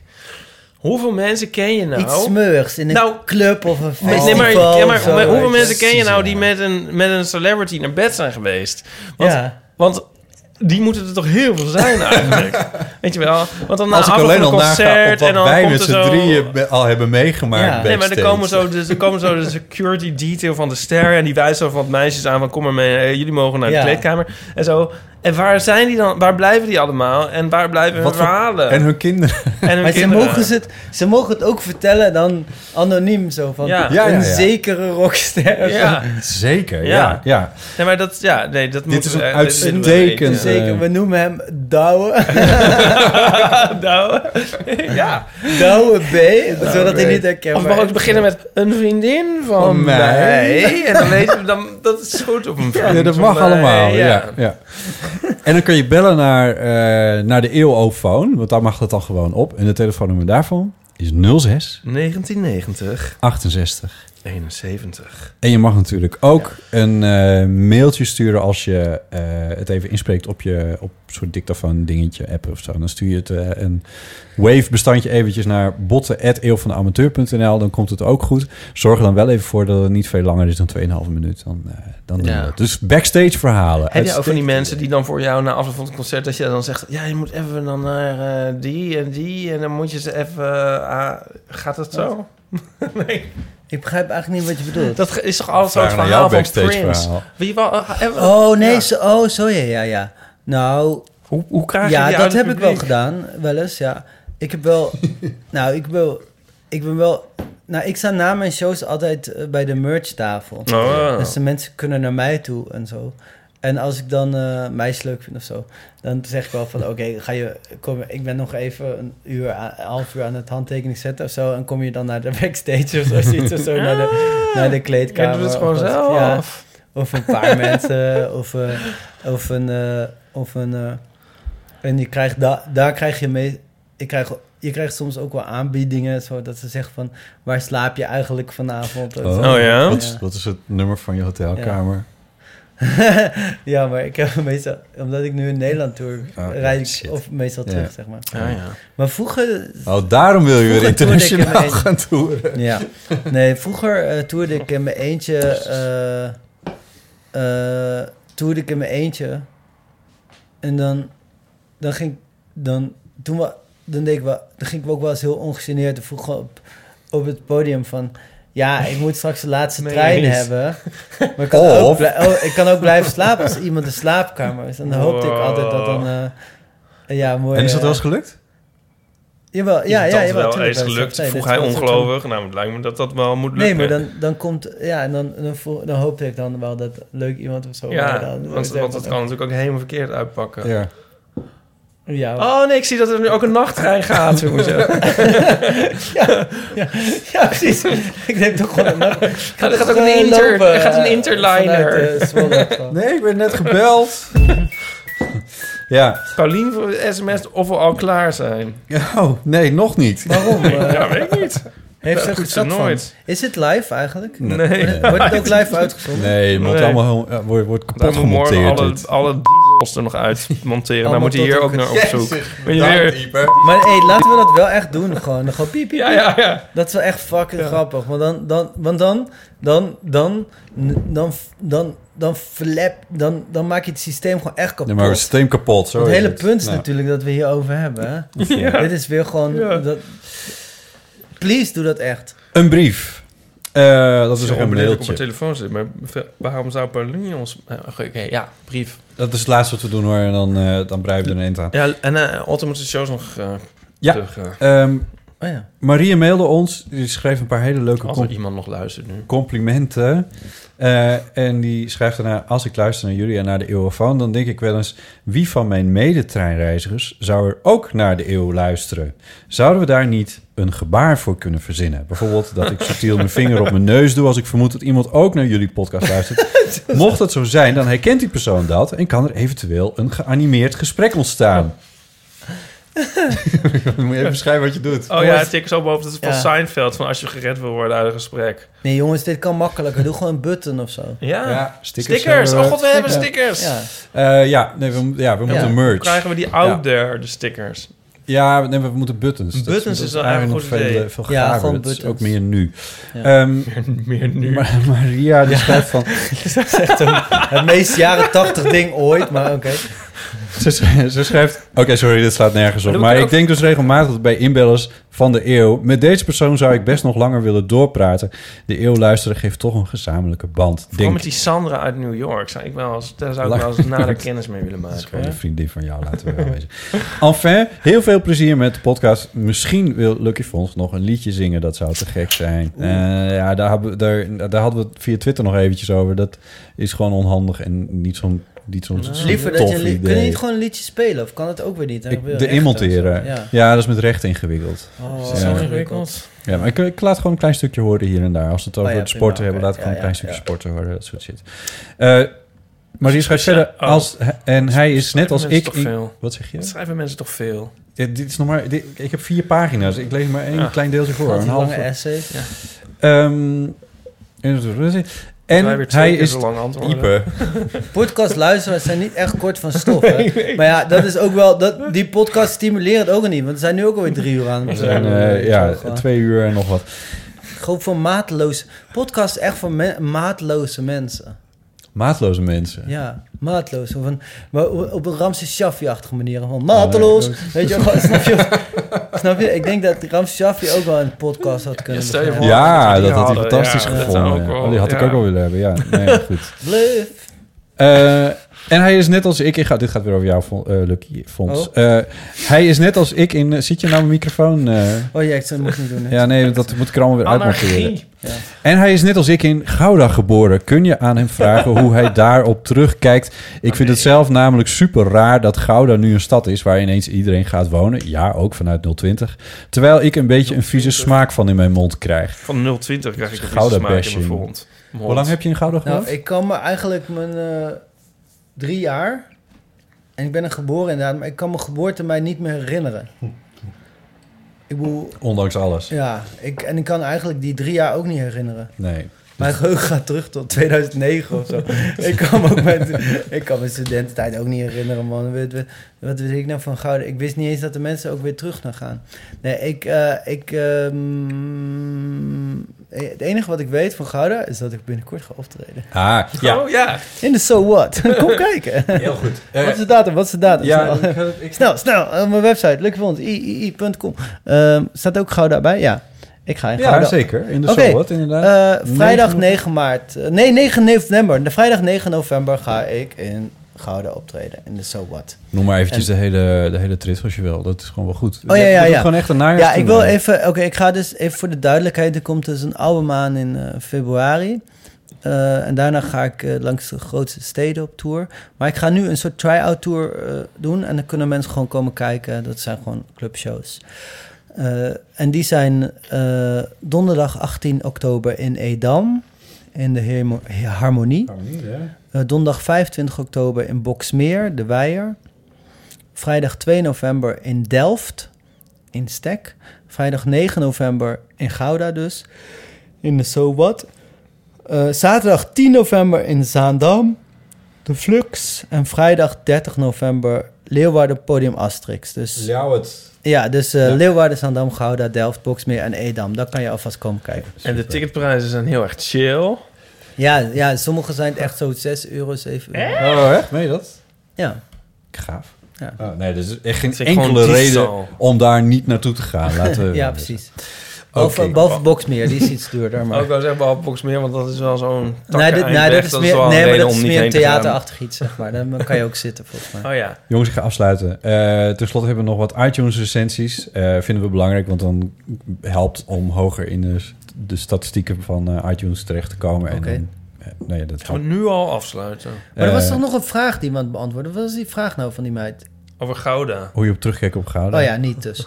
Nee. Antwoord is niet. Nee, ja, Sorry. dus dat ging heel snel. En die andere vragen, die zijn eh, niet... eh, ja, die zijn heel erg mooi aan, en eh, heel erg goed. Maar die kunnen we dan volgende keer, Ja, volgende nee, die zijn niet speciaal voor Otto. Nee, precies. Nee. deze was specifiek voor, voor, voor het Fonds. Ehm, constant geluisterd, schrijft eh, met een lange ei. Ehm, Hè? Ja, schrijft met een lange ei. Dat is de naam Oh, van dat is de degene naam. die de constant geschreven met een ei. Ik heb er drie weken over gedaan om alles te kunnen luisteren. Ik ben nu even moe van jullie, maar schitterende podcast. Drie weken. Dit is aflevering drie weken 68. alles Zou je echt alles geluisterd hebben? Ziek in je hoofd. Dat weet je- No, en het zijn allemaal drie uur en zo, twee uur. Soms. Ja, ik denk dat we gemiddeld twee uur zitten. De Ja. laatste tijd zijn we iets korter, maar omdat jij zo interessant uur. bent, is het weer wat langer nu. Super, schrijft Taco the Ugly. Hoe ik mijn naam toevoeg, vraagteken, vraagteken, maar 55 plus en ik heet Else en ik ben een digi-dummy. Ik vind jullie super. Nog wekelijk, wekelijkser, dat helpt me de winter door. Dank. Nou, dat is toch goed genoeg. We hebben weer vijf sterren. Dit is straattaal. Ja, ik Van, van de denken. 50-plussers, denk ik, ja. Ja, maar ik snap er helemaal niks van, maar het maakt ook niet uit. Digi. Heb je dat zelf getypt? Nee, In een nee ik ben al nachtelijke- lang geleden mee opgehouden om mezelf recensies te Toen je geven. dronken was. Eigenlijk zijn al deze vragen zeggen gewoon van jouw botten. Je, wordt gewoon te- als je dronken bent, dan ga je gewoon... Ja, Die Ik kreeg laatst midden in de nacht een soort hate mail. Zou ik die nog terug het is allemaal te controleren hoor. Oh ja? Ik heb eh, Midden in de nacht, heet mail? Ja, over... over de eeuw. Nee, over mijn strip. Maar toen... Ja, wat hebben wij ermee Oh ja? te maken? Zo Nou, van je strip stinkt? Ja, maar nou heb ik een... Maar het was van iemand op Facebook, maar van iemand die ik niet had. Nou weet ik niet hoe ik dat terug kan vinden. Nou ja, maar dat Ja, was ook heel, lekker voorbereid onsamenhang- weer, on- eh. heel onsamenhangend. Nee, maar kom er nu op doordat het deze onbegrijpelijke tekst, zeg maar... Je kan wel net een soort, soort heel negatief sentiment... maar er is ook aan, eigenlijk ook geen taal aan vast te knopen. Hmm. Dat was... Ja, nou, dat zolang ze vijf sterren geven, vind ik het eigenlijk Ja, ook nee, is best. goed. Dat is ook zo. Oh, maar wat is... Ik begrijp niet het systeem. Jullie moeten sterren krijgen om in de iTunes te Ja. komen? Kijk, onze podcast staat in iTunes. Ik zal het je gewoon helemaal laten zien. Ja. Onze podcast staat in de iTunes Store. Even zoeken. Hier is dan nog wel tijd voor. Heel van de amateur. En daar... Dit is toch eh, ook leuk voor de mensen om te Ja, precies. En dan, daar staat... eh, nou, hier zie je al die afleveringen. Die kun je dan ook downloaden, afspelen, et cetera. En er staat ook beoordelingen en recensies. Mhm. En daar, eh, nou dat, dat loopt al jaren. We hebben 219 beoordelingen, dus dat is behoorlijk veel. En eh, 8 83 klantrecensies. Klanten zijn dat, mensen onze die heel Ja. Eh, en dan klik ik hier op meest recent en dan zie je de laatste drie. Die ik net heb voorgelezen. Eh, Ja. Of tenminste de laatste twee dan, heb ik voorgelezen. En je ziet ook dat we gemiddelde beoordeling vijf sterren. Dus het gaat heel erg goed. Maar wat heb je aan, daaraan? Nou, het helpt ons om eh, beter... Kijk, Te slapen. te slapen, ja. Mooi. Maar ze hebben ook... ehm, ik verdwaal eventjes in de store. Soort Ook aanbevelingen, Ja. hitlijsten en al die dingen. En hoe, ja, meer er doende is over Ja. de eeuw van de amateur... hoe meer we in de hitlijst komen... hoe meer we in die hitlijst Oh, komen, ja, hoe meer mensen luisteren. Hoe meer mensen luisteren, hoe meer wij vervolgens weer kunnen doen. Zo simpel werkt het dan ook Oh, dan, komen, dan zijn jullie aantrekkelijk voor sponsors en zo. Ja, ja. En, dan, en dan gaan jullie je ziel verkopen Ja. aan... eh, Diep. Ja, ja. En, eh, ja, precies. Maar toen ik net die, die Tuco, de, Tuco de Ugly zag... op- Ja. nu ik het op schrift zag, begreep ik het wel. Nu vind ik het eigenlijk juist wel lief. Oké. Ja, Dat- jij dat- dat las het heel raar voor. Oh, ja. oké. Bedankt, Elze. Zo heet ze namelijk. Mooi. Tof. Eh, dit was het. En volgende keer eh, dus verhalen over backstage voor... Nou, wat een verhaal. En eh, de eeuwofoon kun je weer gewoon inspreken met levensvragen. Zullen we alvast verklappen wie volgende week... eh Volgende week is ja. Ja. Pauline Cornelissen. Pauline Cornelissen. Ja. Zij is er volgende week weer bij, dus dat is superleuk. Met haar perfecte jukbenen en lip. Ik vind dat zo knap, hè, altijd. Oh, zij is een beetje, leuk. Zij is mijn, altijd een beetje mijn... soort van, ik, ja, ik vind haar gewoon als, als kunstenaar ook heel goed natuurlijk. Ja. en Zo, weet je, maar ik vind haar ook zo eh, heel mooi gezicht. En ze is ook nog eens een keer onwijs aardig. Ja. En, ja, dus eh, ja, ja, wij zijn, wij, ze is een, in een grote vriend een van de grote show. roze bromance met Ja, dat is wel waar. Ja, ja, het op het gênante af. En het, eh, en het leuke is dat ze volgende week dus gewoon weer met ons meedoet. Nice. Dus dat is heel erg tof. Lucky Fonds, hartelijk dank voor het langskomen. En voor je mooie verhalen. Ja, echt gezellig. Dank jullie wel. Ik vond het dank- ook heel erg leuk. Echt heel Ja. tof. Ook dat je vertelt over eh, op deze dag van... Wat was het nou precies? Hoe heet het nou? De Eh, Mental- World Mental Health World Awareness Mental Day Health. Awareness Day. Gewoon, ik kan- vandaag kan je even denken aan alle... Ja, maar, maar, maar dat waarderen... dat- Ik weet dat onze luisteraars dat ook heel erg waarderen... als dat, soort, mooi. eh, dat soort dingen verteld worden. Dus dat En ik wil nog even bedanken aan eh, de, de... Ik vond de inzending heel leuk. eh, voor alle de, de, de mensen die naar de telefoon gebouwd Mooi, en ja. hebben. Zeker. Daar ook dank aan. Ipe Driessen, hartelijk dank. Ja, En, eh, En tot, jij ook. tot de volgende keer. Doeg. Doeg. Doei.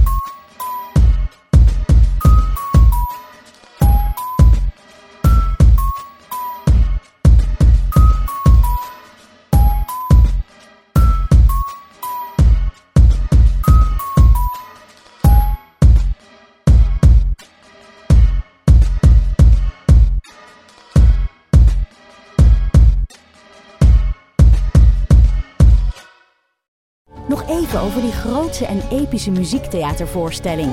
Het achtste leven voor Brilka is een marathonvoorstelling van 5 uur. Koop je tickets voor deze bijzondere theateravond via oostpol.nl.